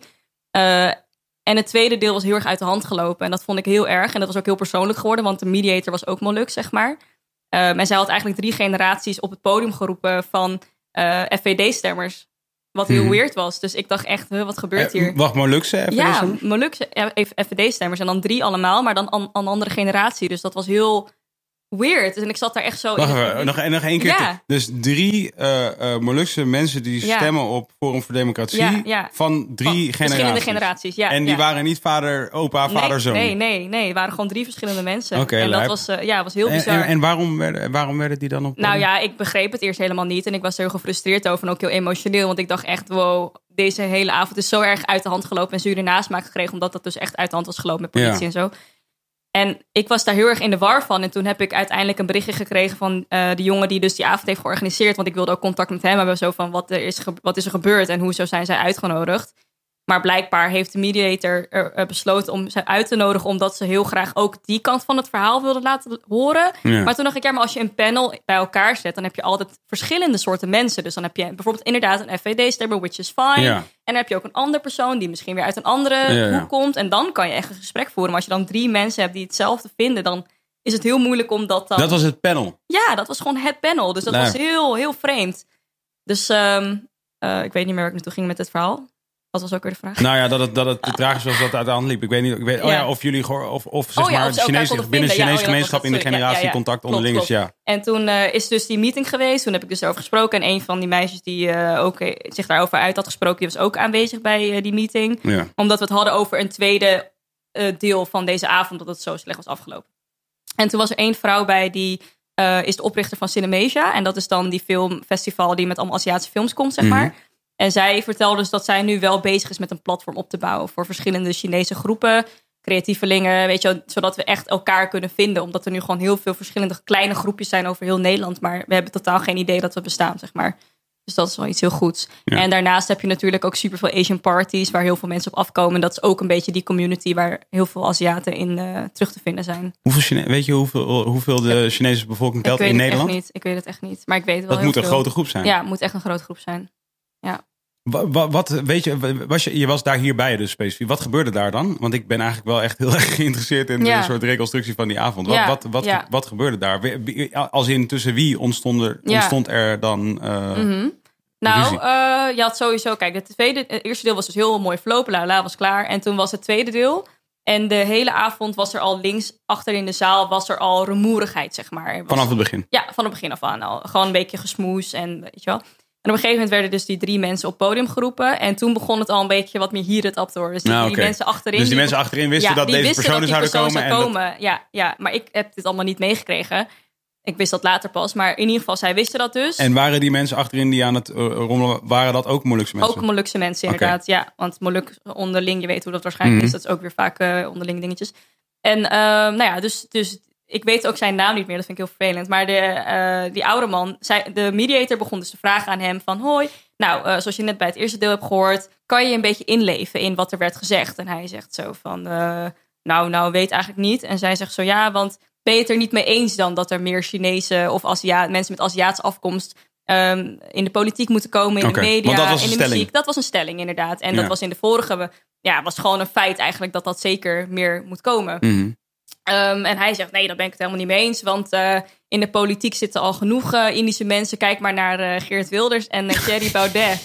En, Wel een goed voorbeeld. nou, dus ik dacht, ik zat echt zo van... Heb ik dat nou goed gehoord, weet je wel? Dat kan toch niet waar zijn? Dus ik zat zo... Oh, ik was hier echt graag bij nou, dat geweest. weet ik niet hoor. Dus ik zat echt zo helemaal flabbergasted. Zo van, oké, ik weet niet waar dit naartoe gaat, maar dit is niet goed. Ja. En toen begon dus links achterin, weet je, in de Ja, zaal, te begon dus, ja, begonnen ze dus helemaal rumoerig te worden. En toen zeiden ze, ja, ja, helemaal boos. En eh, st- vraag op wie die stemt, vraag op wie die stemt. En, eh, en toen dacht ik, oh, ik ben nu eigenlijk ook wel benieuwd, weet je wel. En toen zei ze dus, hij stemt op de FVD, dit is geen Molukker van mij. En toen begon zeg maar het hele gevecht. En toen was zo'n jongere jongen... Oh, dat werd ook echt Het vechten. werd echt vechten, ja, het werd echt heel erg. En toen begon dus een- ja, zo'n jongen ook weer van, ja, je moet je schamen. En toen begon die mediator dat weer in het Molukse zeggen tegen dat meisje, waardoor zeg maar uiteindelijk echt, uh, het werd heel persoonlijk. En dat was gewoon fout. Dat was gewoon Oh, niet oké. wauw. Ja, dat was echt heel heftig. Heel eh, crazy. Ja, echt jammer. En dat is natuurlijk ook weer viraal gegaan. En dat is natuurlijk gewoon pijnlijk. Is dat want- viraal Ja, dat is viraal gegaan. Met zijn telefoontjes. Ik ben echt oud, man. Van, ik, Ja. ik, zie, ik zie gewoon niks. Maar niet viraal, viraal, maar onder de Molukse community. Ja, ja, ja, eh, ja. Maar, niet, eh, maar, maar dit was niet op het nieuws of iets Nee, volgens mij, nou, volgens mij was er wel een artikel geweest over dat politie wel voor de pakhuis zwijger stond. Omdat het Oh, ja. nooit is voorgekomen dat dat zo heftig uit de hand is gelopen. Dus ehm, ja, ik heb het er ook nooit over. Omdat ik denk van ja, weet je, die avond was gewoon speciaal het eerste deel. En ik wil ook niet dat het dan zo'n zure nasmaak heeft. Ja, nou, waarom ik eigenlijk zeg, ik zou, was er graag bij geweest. Niet omdat ik hou van drama, want Nee, ik eh, nee, ja. hou helemaal niet van drama. Ja. Maar eh, tenminste, laat ik het zo zeggen. Ik, ik hou van drama zoals elk mens op ja, zijn domst van houdt van drama. houdt. Ja, want zo van, ik, weet- ik had vandaag nog met iemand over Temptation Island. Dat ik dat dus ik niet, dat dat ik dat niet kijk. dat ik dat specifiek niet kijk. Ja. Eh, maar dat ik wel weet dat ik er vatbaar voor ben, net als Ja, elke andere Als iemand aanzet, ja. Ja, ja. maar ik kijk het opzettelijk niet. Mhm. En eh, ik weet niet meer waar ik het mee kon vergelijken. Maar toen ging het dus ook even over verslaving en dat soort Ja. dingen. Hoe dan ook. Ehm, nee, dus niet voor het drama, maar gewoon om namelijk te zien. Want dit, is, dit is ook een andere soort misvatting die er bestaat onder de eh, Hollandse witte gemeenschap. Is dat racisme exclusief is voor Mm. witte mensen Mm. jegens gekleurde mensen. Dat soort racisme alleen daar kan bestaan. precies, Which is Not true. crazy, toch? Want jij zal ook eh, regelmatig ervaren hebben dat racisme tuurlijk. komt van... Tuurlijk, eh, ja, juist, juist. Ja. En ik denk dat dat het allermooiste is om te beseffen en, en te erkennen dat racisme eigenlijk geen kleur heeft. Weet Ja. wat ik bedoel? Ja. En tuurlijk is het zo dat de witte man, die, dat, die kan dat misschien minder snel begrijpen, omdat ze dus eigenlijk als main person in Ja. de wereld leven. Ja. En weet je wel, ze hebben gewoon een bepaalde voorrecht in het leven. Dus Ja. dat is anders, maar tegelijkertijd er wordt zoveel racistische uitspraken gedaan onderling ook. Weet je wel, Hindustanen weer over Surinamers, of weet je, Chinezen weer over andere. Ja, dus het gebeurt wel echt. Ja, maar die avond was uh, interessant, ja. En ik vond het eigenlijk ook wel weer goed dat die vrouwen links achterin zo, zich aan, zo aan het schreeuwen waren. Want zij hebben wel laten zien van, yo, die Molukkers die je daar hebt neergezet, dat zijn wij niet, weet je wel. Dus dat hebben ze misschien niet op een hele tactische manier gedaan door te schreeuwen. Maar tegelijkertijd, ja, het heeft wel laten zien dat die, dat die meneer die op het podium zat wel dacht van, oh, oké, wow, ik ben hier niet, weet je wel, uh, op mijn plek. Ja. Ja. Dat is ook, dat is ook het moeilijke. Ik, uh, zeg maar, um, ik heb natuurlijk ook, ook hier, maar ook gewoon uh, buiten, laat ik zeggen, om camera's en microfoons heen, ook met enige regelmaat gesprekken over, over deze thematiek. En dus ook over mijn eigen, laat ik zeggen, Molukker zijn. Ik ben Nederlands, mijn moeder is Nederlands en mijn vader is Moluks. Uh, en wat voor een heel groot deel uh, gaat over identiteit en over hoe identificeer jij Mhm. jezelf. Ja. Weet je, um, waar je, wat jij net zegt over, over uh, de, de witte gemeenschap in Nederland. Uh, wat het, denk ik, het grote voorrecht is wat je hebt als je wit wordt geboren, is dat je daar niet over na hoeft te denken. Exact. En zeker natuurlijk in de westerse wereld. Ja. Want ga maar voor degene in een Afrikaans dorp wonen als Ja. witte persoon. Dan moet je wel even nadenken over je identiteit. Zeker. En dat ga je dan ook doen. Ja. En dat gaat waarschijnlijk heel verfrissend voor je zijn. Ja. En, en dus eh, eh, eh, er valt niet zoveel jou kwalijk te nemen dat jij niet hoeft na te denken over je identiteit. Want Nee. zo ben je geboren, which is. Eh, maar op het moment dat je ermee wordt geconfronteerd, voor het eerst gaat het waarschijnlijk ook nog steeds taai zijn. Maar op een gegeven moment hoop je dan in ieder geval als iemand die wel daarover na moet denken zijn Mhm. hele leven, eh, ehm, hoop je dan dat iemand gaat denken van, oh oké, Ja. dus ik heb er nooit over na hoeven te, denken en deze persoon moet dat wel ja. eh, dagelijks. Want anders dan weet zij of hij niet waar zij of hij staat Ja. voor je eigen gevoel. Wat, wat, wat ik denk dat als, eh als Molukker, en natuurlijk niet voor, ik kan niet spreken voor alle Molukkers, eh, Mhm. integendeel, maar wat ik wel denk dat ook best wel lastig is voor, eh ja, voor Molukkers specifiek, bijvoorbeeld ook een lastig, lastig om te bepalen Zeker. waar je precies staat. Zeker. En als je dan vervolgens weer Nederlandse, eh, ook weer Nederlandse ouders hebt. En nu, Ja, ik heb neefjes die zijn ja half Surinaams, zo, half, ja. eh, Ja, half. Molux. En eh, dus wat, dat wordt natuurlijk nu met elke generatie eh, eh, wordt dat meer, alleen maar eh, breder. Ja, En wordt het denk ik ook steeds, ja, dat is heel mooi, want dat wordt uiteindelijk de oplossing natuurlijk. Zeker, zeker heb ik altijd gezegd. Ja, maar, maar wat, wat daar wel moeilijk denk ik aan is, en ook een hele grote uitdaging is, is om te gaan zoeken naar, naar identiteit. Omdat identiteit zo, het is zo fijn dat dat verankerd ligt in cultuur Mhm. en in afkomst en Ja. in traditie. Ja. Toch? Ja, zeker. Hoe, zeker. hoe is dat voor jou? Laat ik zeggen, met Chinese cultuur en traditie en, en, en die afkomst van, eh, is, dat, is dat sterker geworden naarma- naarma- naarmate je ouder werd? Of hoe is Ja. dat ontwikkeld? Eh, ik ben eigenlijk als kind altijd een beetje de zwarte schaap geweest van de familie. Omdat ik juist altijd best wel een creatieveling was. En ik was niet echt met school bezig. Terwijl Chinezen er heel erg bekend om staan. Dat ze altijd heel hoge cijfers hebben en Mhm. goed zijn in Was wiskunde. dat ook zo bij jullie thuis? Ja, tenminste eh, in onze familie was het gewoon vanzelfsprekend dat je ateneem of gymnasium deed, zeg maar. Oké. Ehm, en ik was daar helemaal niet mee bezig. En ehm, ik denk ook wel dat in de Chinese cultuur heel erg van je wordt verwacht van je moeder vooral. Dat je mooi bent en jurkjes draagt en hakjes draagt en zwart lang haar hebt en dat soort dingen. En ik ben gewoon alles behalve. En tatoeages bijvoorbeeld die ik heb. Of rood haar wat ik heb geverfd, dat vindt mijn moeder ook niet mooi of zo. Weet je wat ik bedoel? Mhm. Dus ehm, ja, ik heb daar zeker wel mee gedeeld in, in mijn, eh, in mijn eh, kinderjaren. En nu nog steeds wel. En ehm, ik denk dat veel mensen dat wel hebben. Ik denk gewoon niet eens dat het iets heel Chinees is, maar gewoon in het algemeen dat je gewoon in twee culturen moet opgroeien is heel moeilijk. Want je gaat natuurlijk al best wel jong naar Nederlandse school. En daar ben je de meeste tijd eigenlijk.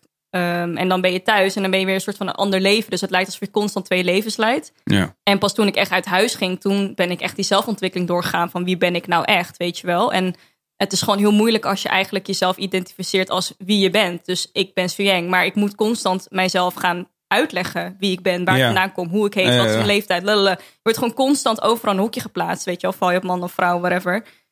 En dat is best wel heavy af en toe. Dat ik denk van, oh, hoezo moeten we dit allemaal uitleggen, weet je wel. Ehm, maar ik ben wel blij dat mijn vader dus gewoon wel in Amsterdam is geboren. Dus ik moet wel eerlijk toegeven dat mijn, mijn thuissituatie is volgens mij al veel milder dan de meeste traditionele families. Ehm, die ze hebben veel meer regels wel. Die zijn wel van, oké, als je dit en dat zo doet, dan word je afgestoten of dat soort dingen. Maar mijn familie is best wel modern vergeleken Mhm. met dat. Dus ehm, ze hebben me best wel vrijgelaten, ook in de keuze die ik heb gemaakt uiteindelijk. Waar, waar, waar, is dat, waar is dat aan te wijten? Is dat omdat je vader al in ja, Nederland woonde? Ja, ja, ja. exact.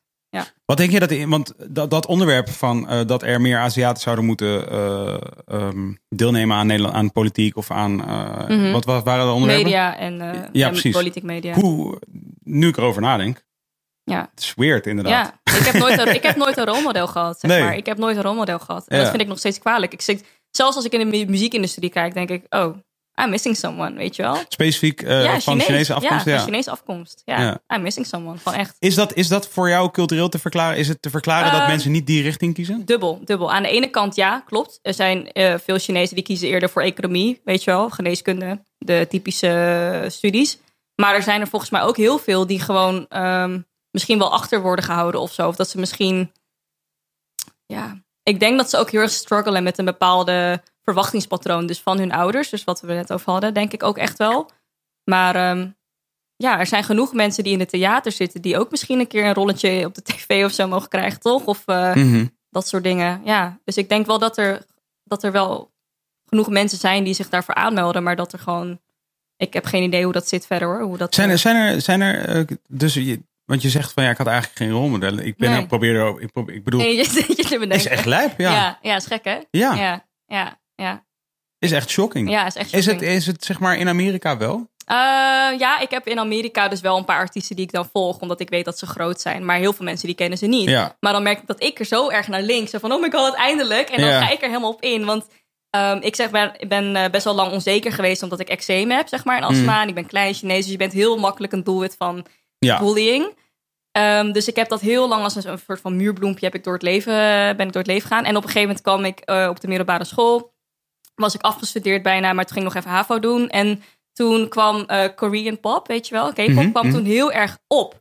En toen was ik heel erg fan van Big Bang. Want dat was een beetje een combinatie van hip-hop cultuur, maar wel met een Chinees, in ieder geval Aziatisch uiterlijk, heel erg- waar, waar ik me mee ide- identificeerde. En dat was het al, gewoon de alle, alle, allereerste keer dat ik dacht: wow, dit is precies, wat, dit is precies wie ik wil zijn. Weet je wel? En dan hele uitgesproken kledingstijl. En eh, heel erg voor hun tijd, zeg maar. Heel innovatief, heel creatief. En dat was voor mij echt de eerste keer dat ik iets zag. Want toen was internet natuurlijk echt een ding. En dat was vroeger lastiger. Hoe oud ben je? Eh 28. Dus ik was toen... Misschien is hier eventjes. eh, Dus je kunt even je hart ophalen als je wil. Eh, als je naar het beeldscherm kijkt, kun je, eventjes even... Oh, je je ja. kan fangirl out. Ja, nu niet meer. Want ik heb gehoord dat ze vrouwen eh, niet zo goed hebben behandeld. Oh, ja, dat is wel weer jammer. Take him down, Twan. You don't need him. Dat is dan wel weer jammer. Maar goed. ehm, ja, dus dat was echt voor mij de eerste keer dat ik dat zag. En dat ik daardoor heel erg opleefde van... Oh, zie je wel dat er mensen zijn zoals ik? Er zijn wel wat acteurs en actrices. Ja, Jackie Chan, weet je Ja. wel. Jet Li, ja, sorry. Maar dat zijn gewoon van die typische vechters. eh. Hey, oh. Ja, I love them. I love them. Ik ben met ze opgegroeid. No offense. Maar gewoon wel van, oh, altijd weer die Zeg maar weer stereotypering, eh, weet je wel. Gewoon Ja, ja, ja, precies. Ja, ja, ja. En ook in films. Oh, het is weer de side, sidekick. Hoewel, En- want, eh, want ehm, hoe zat het met Bruce Lee? Mhm. Want Bruce Lee was, ja, want Bruce Lee was, is, is een interessante wat dat betreft, Ja. toch? Ja, ja. Van, eh, Dat van- hij met een Amerikaanse vrouw is getrouwd, wil je? ook. En, en zijn verhaal was nu, nu dus voor de hele appgroep, we gaan nu, oh ja, hij gaat over vechten beginnen, Mm. want dit is, dit is mijn staple thing to do, Ja, is dat linksom of rechtsom gaan we het op een gegeven moment gaat het over martial arts. Grappig. En, eh, maar eh, Bruce Lee, wat, wat, een, wat, wat een van de dingen was die, waar, waar eh, was bij Bruce Lee volgens mij een ding was dat, één, hij sprak volgens mij geen Mandarijn, als ik mij, als ik me goed... Hij sprak wel Mandarijn. Of Ja? Kantonees. Huh? Ja, hij sprak volgens mij Kantonees. Oh, oké. En specifiek geen Mandarijn, geloof ik. Mm. Wat een soort ding was. Mm. Wat een ding was. Oké. Hij voelde zich waarschijnlijk te trots. Ik weet het niet. En, eh, want, want wa- kun je me uitleggen wat, het, wat zeg maar, het, het verschil is tussen de twee en Ja. welke culturele eh, relevantie dat heeft? Nou, eh, zeg maar, Kantonees was vroeger de hoofdtaal die Ja. gesproken werd. En dat, is de, dat was Hongkong, weet je. En die voelde zich eigenlijk gewoon altijd wat beter dan China. Zo van, oh, China, ja, die loopt achter. Ja, dat zijn zo. boeren en wij zijn Dat zijn cool. boeren en wij komen uit de stad. Ja, dat was een beetje het ding. Maar op een gegeven moment... Weet je wat erg- Amsterdammers hebben met de rest? Echt, hè. Maar niet. En toen uiteindelijk is dat dus heel erg geswitcht. En Ja. toen zijn ze dus meer Mandarijn gesproken, waardoor de Kantonezen dus ineens ook allemaal Mandarijn moesten leren spreken. Ah, ja. Maar dat is echt de afgelopen jaren hoor. Ja, Ehm, Ah, nou dan klopt het denk ik, dit verhaal. Ja, dus ik, ik eh, eh, Norman, Norman Capoyos, als je nu aan het luisteren bent, neem me niet kwalijk als ik, eh, voor, als ik nu aan een stukje geschiedvervalsing ga beginnen. Maar volgens mij was het inderdaad zo dat hij dus geen Mandarijn sprak, maar wel Kantonees. En eh, hij was met een Amerikaanse. Klopt. En hij, teach, hij leerde de martial arts aan Amerikanen. Ja, dat was en dat was not echt een done. soort van nou dan. Ja, en, en, ja, en toen was het dus ook nog eens een keer dat hij dus niet, eh, hij sprak ook dus niet de, de, de, de, echte, taal. Ja. Wat een soort ding was. Maar hij was in die zin wel echt een. eh, want hij voldoet we- wellicht. Ik bedoel, hij is misschien wel het rolmodel. eh, Ja. Laat ik zo zeggen. Waar in ieder geval een heleboel kleine kindjes. Ja, die eh, ook niet Chinees zijn, eh, maar Westers. Ja, of, ja. ja, toch? In ieder geval naar opkijken. Ik- heb weet dat ik dat heb gedaan. In ieder geval toen ik opgroeide. Ja. Vandaar ook, ja.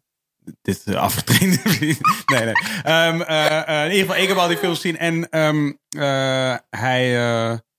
Eh, en hij, heeft- dus hij voldoet in principe aan, laat ik zeggen, het stereotype Chinese acteur. Namelijk, je, bent je, je bent dan een eh, martial, martial artist. Mhm. Eh, maar hij was wel in die zin, hij, hij, hij bracht wel ook wat Ja. soort politiek met ja, zich mee. dat was wat wel hij. En hij was ook een filosoof, hè? Dus Ja, hij deed precies. ook veel van dat soort dingen. En ja, wat ik leuk aan hem vond, was wel dat als je dan in, in, een interview zat of zo met hem, en dan had je dan zeg zo'n typische Amerikaanse man, en die ging hem een soort van bijna onderschattend ondervragen van, haha, hier weet je geen antwoord op.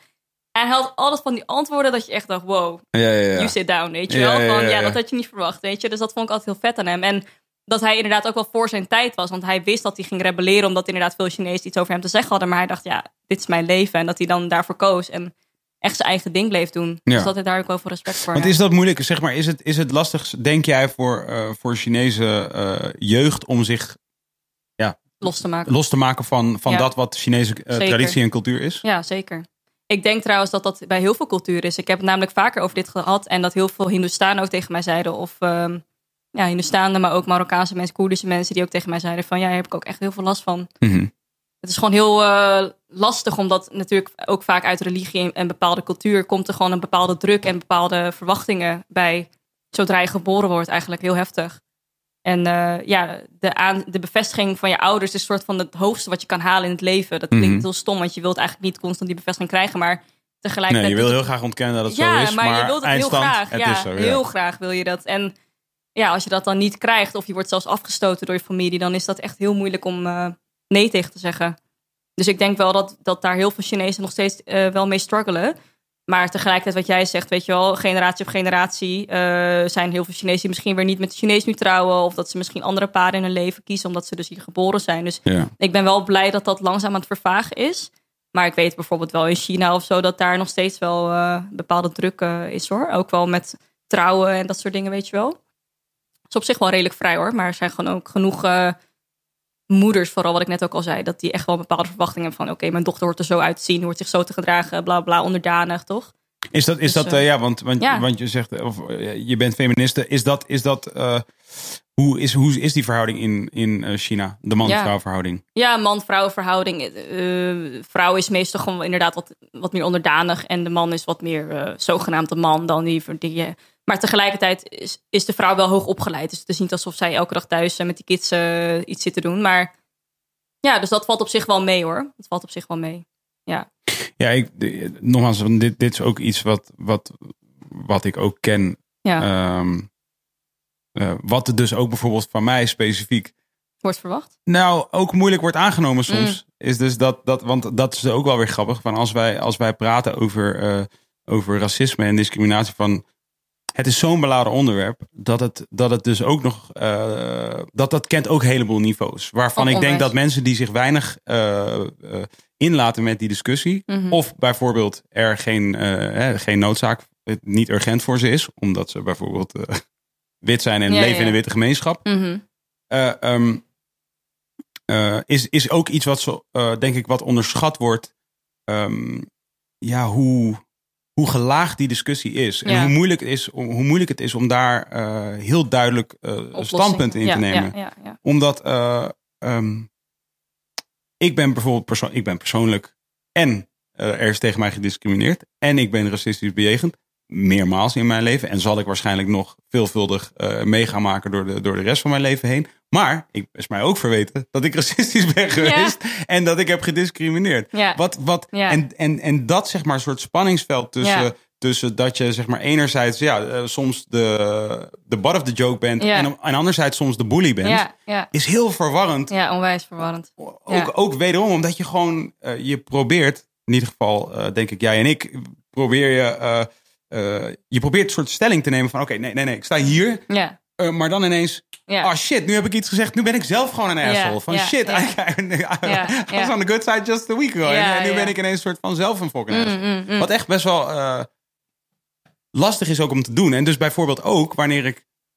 want ik ben, ik ben dus hier opgegroeid. Mijn, mijn ouders zaten allebei in het onderwijs. Mijn, zij, nou, mijn, mijn moeder niet eigenlijk. Maar mijn vader heeft best wel in mijn optiek nu terugkijkend best wel een punt van gemaakt om mij eh, op te voeden als een. eh, Moet ik voorzichtig zijn? Want misschien kijkt hij mee. Niet per se als een Nederlander. Mhm. Maar wel eh, op zo'n manier dat ik kon functioneren in deze maatschappij. En Op welke manier deed hij dat dan? nou, in ieder geval zorgen dat ik, dat ik bijvoorbeeld op school gewoon goed mijn best deed. En dat ik eh, niet dat Molukkers dat dus niet doen. Maar wel een soort van alle handvatten ge- geven. eh, die je eventueel kunnen helpen om, dat goed te kunnen, om daar goed te kunnen ontwikkelen. Dus bijvoorbeeld taal Mm. was gewoon bij ons thuis altijd een, eh, best wel een speels op spelende wijze, zeg maar. Maar we deden wel Ja. veel met taal. Mijn Ja. vader was ook best wel met talen. Hij, kon, hij spreekt ook meerdere talen. En, Mm. en dus hij, wij hadden het best wel vaak over taal. Over Ja. de Nederlandse taal specifiek. Ja, En dus die werd ik, daar werd ik ook goed in. En dat is natuurlijk, ja, dat is nummer één. Dat Ja. zei jij zelf al net. Van veel, veel al zelfs in jouw generatie nog spreken eh, die mensen ehm, slecht Nederlands. ja. Wat volgens mij een van de allergrootste ja, wel de oudere generatie, zeg maar. Ja. Niet jouw generatie. Nee, niet mijn generatie. Nee, om- eh, want hoe, eh, ik heb het Ik net ben gevraagd. 28. Oh ja, je bent 28. Maar ik moet wel zeggen dat toen ik eh, opgroeide, mijn vader is dus gewoon Nederlander, toch? Ja. En ik merk wel dat mijn Nederlands scoorde wel veel hoger dan hun Nederlands, zeg maar. Omdat zij dus nooit ouders hadden waar ze naar- kunnen Ja, dat bedoel eh, ik. vragen. Ja, dat, Ja. Is, dat is wel waar. ja.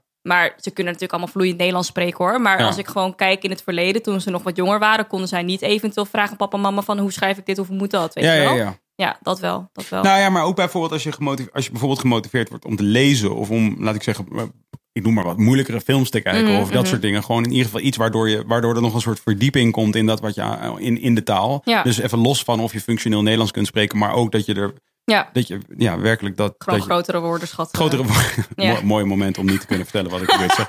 En ehm, eh, eh, is wel. ehm, oh ja, dat, daar wilde ik naartoe. Is dat, dat, dat ik bijvoorbeeld best wel vaker tegenaan ben gelopen. Dat in een discussie die gaat over racisme. mij werd gezegd: Maar Kil, jij toch niet?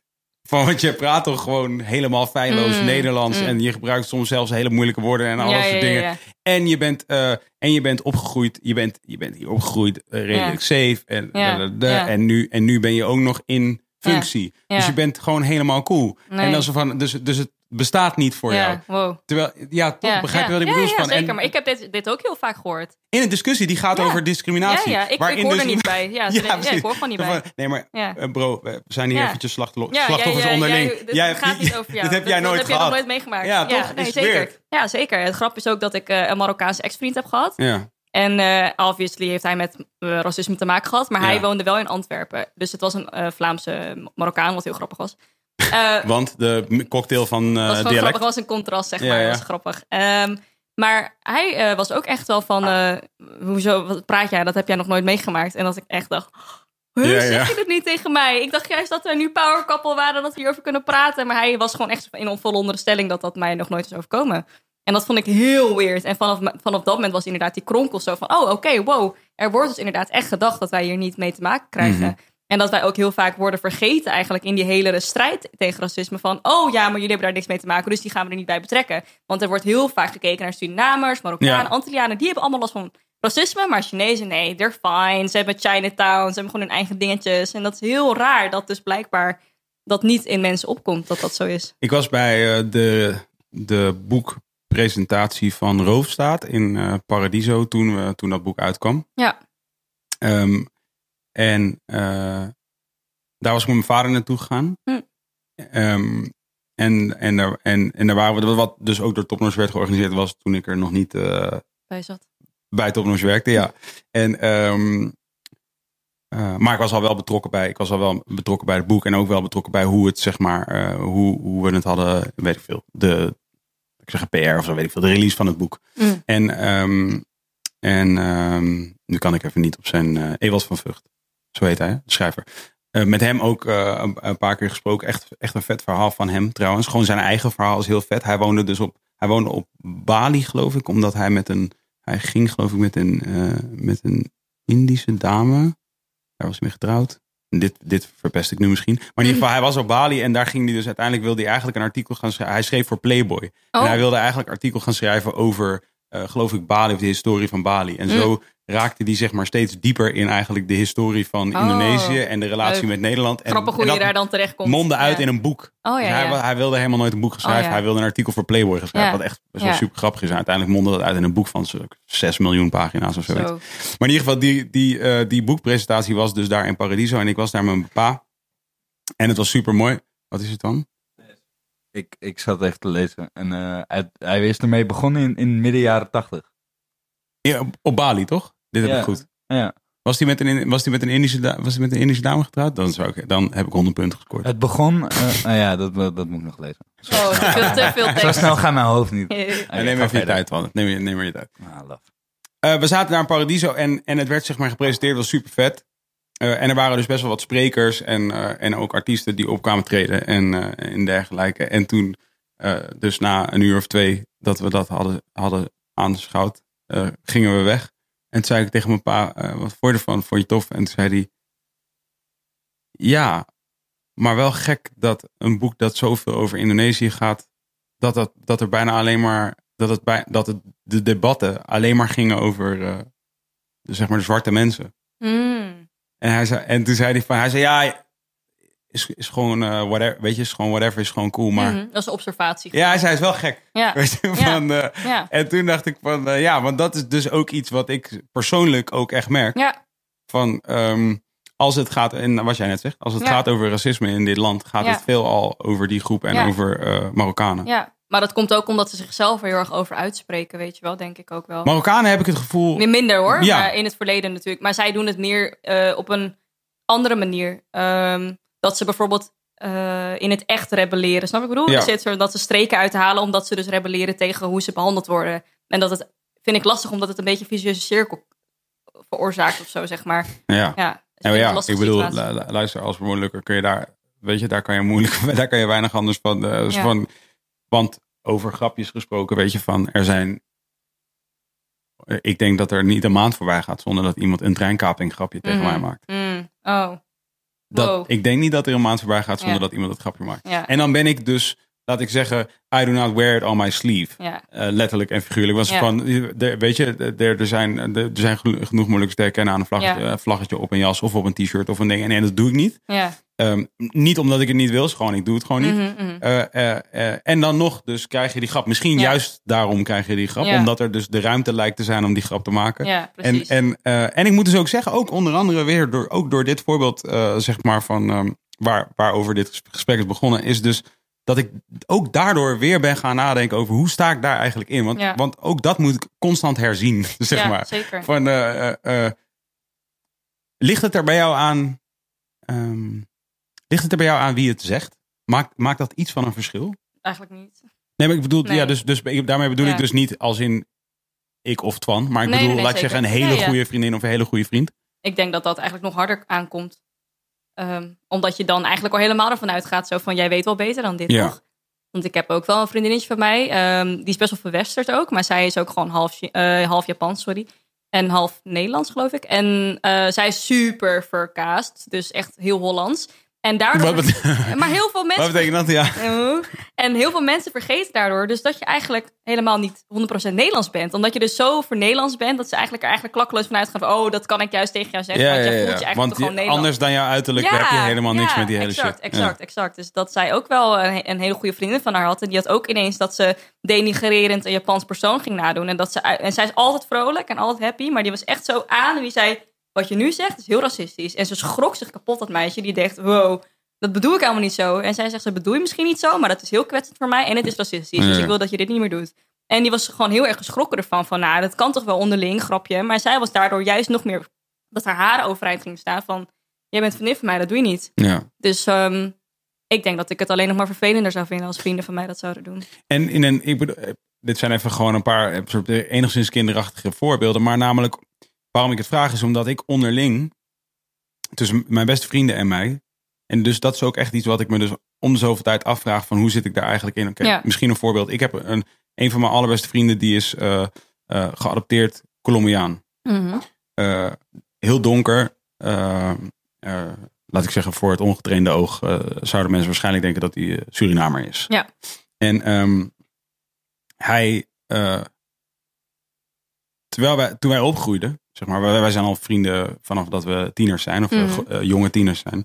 En, en toen we opgroeiden, toen sowieso ons hoofd veel heter was en naïver dan het nu Ja, is, zeg maar. Dus dat we ook nog veel meer, eh, laat ik zeggen, Zin hadden om... met elkaar ja. te stoeien de hele dag. Weet je, dus we zeiden ook de meest hardcore shit tegen elkaar de hele dag. dat dus ook ik zei, vaak mannen doen, snap je? heb ik het gevoel. Ja. Dus ik zei, ik zei, weet ik nu, echt racistische shit Mm, tegen hem. mm. Dat weet, ik, dat weet ik nu voor een feit. ja.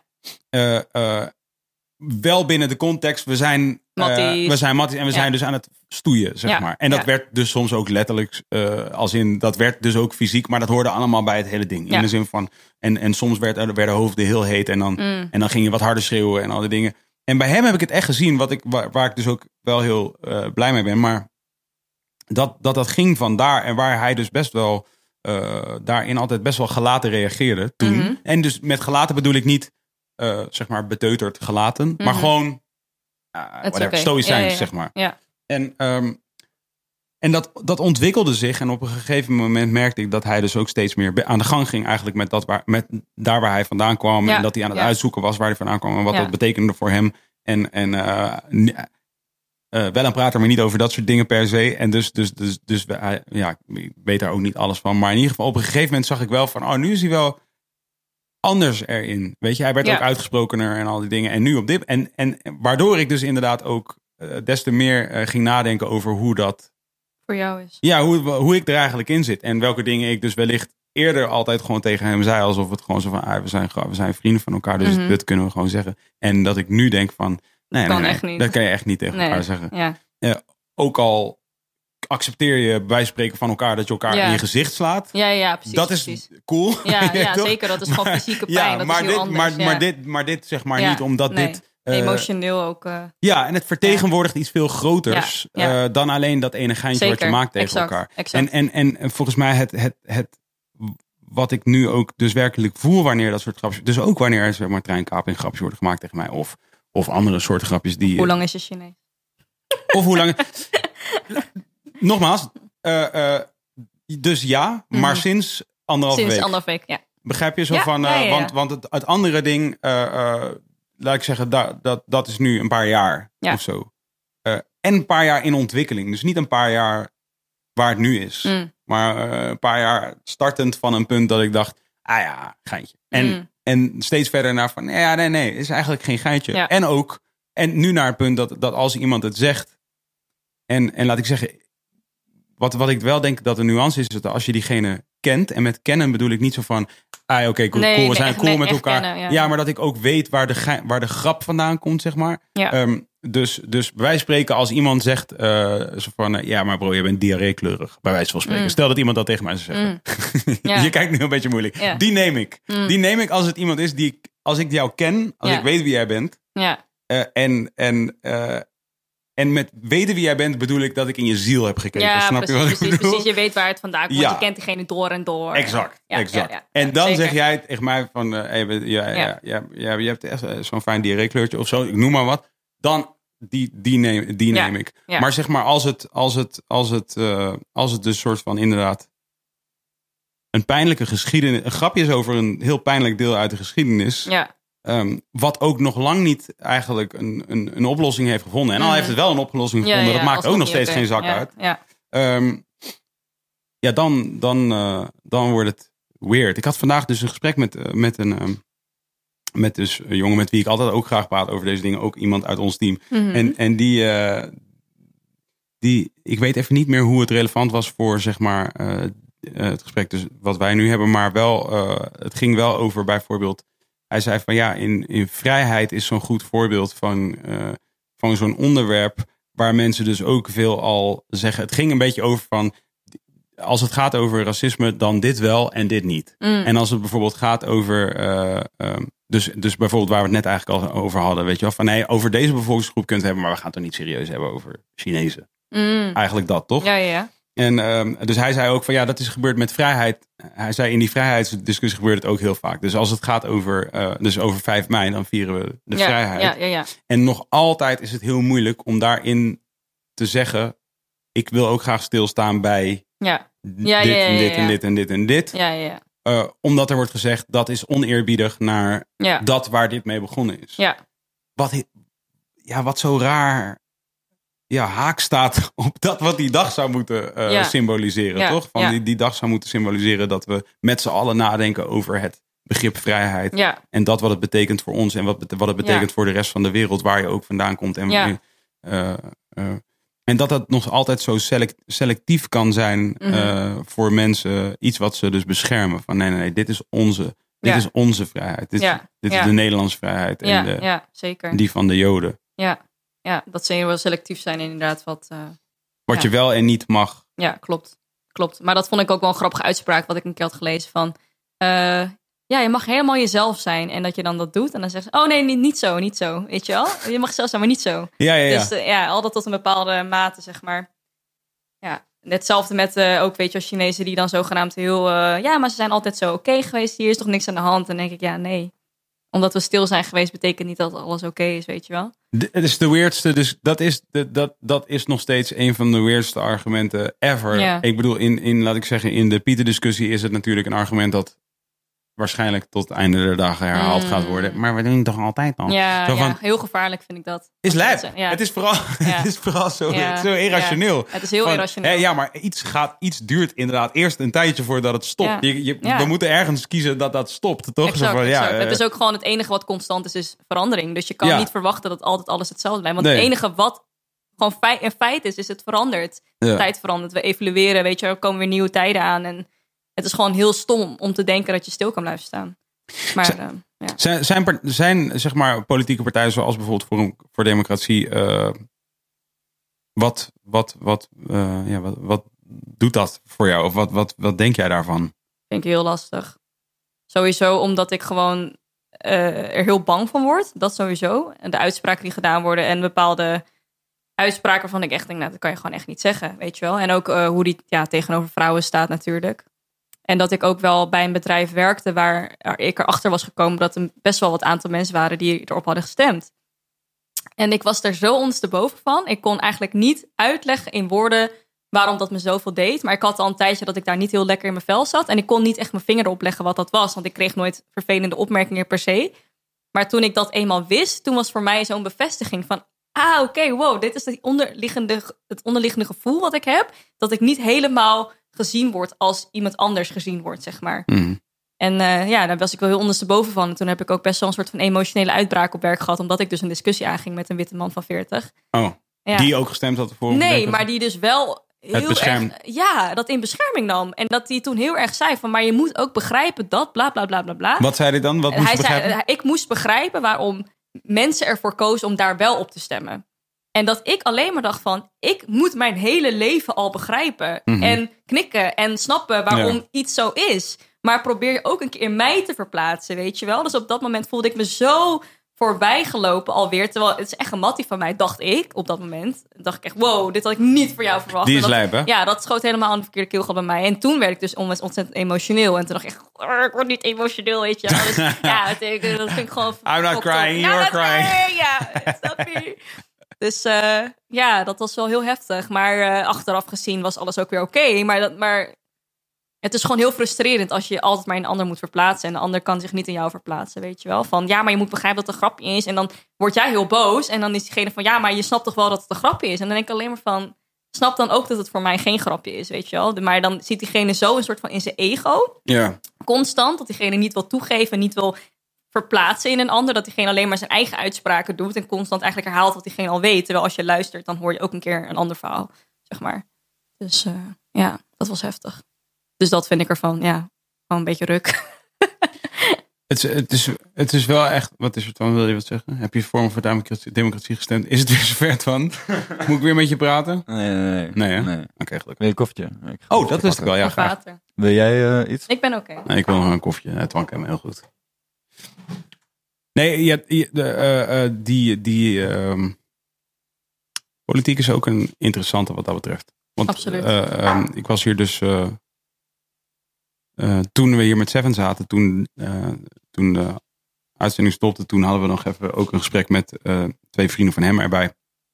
Wat dus ook ging over, over, eigenlijk dus ironisch genoeg ook over rapteksten. Waarin dus, we, we hadden het over Ismo, dat is de rapper Ismo, Marokkaanse rapper, die heeft eh, op een gegeven moment eh, in een rap, en nou hoop ik dat ik, niet, dat ik nu niet misquote, maar Mhm. hij zei geloof ik, eh, ik haat die joden meer dan de nazi's of dan een Oh, nazi. wow, iets, iets in die Ja, ja, ja. geest. Dus ik, nogmaals, ik hoop dat ik het goed zeg nu. Mm, Maar, eh, en hij, ehm, dat had hij gerapt. ja, En eh,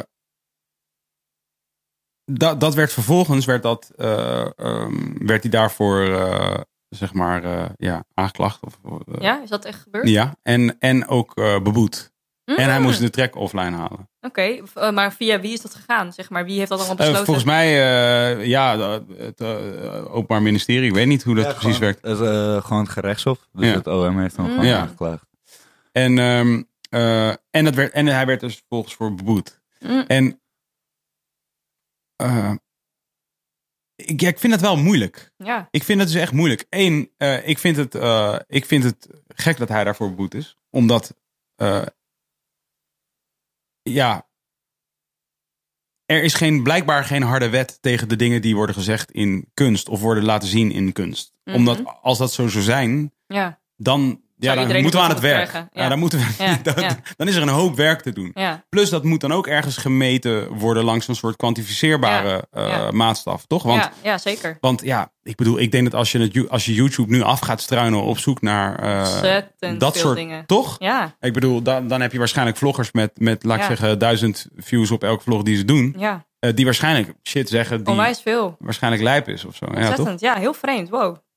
En dan heb je dus binnen in de politiek specifiek Mhm. inderdaad eh, ja, mensen die dus beginnen over schedelmetingen en, eh, en, en over dat, dat bepaalde rassen inferieur zijn. Mhm. Wat volgens mij de letterlijke definitie is van racisme. Ja, onwijs. Is zeggen dat Ja. bepaalde rassen inferieur zijn. Ja, doet me echt denken aan Django.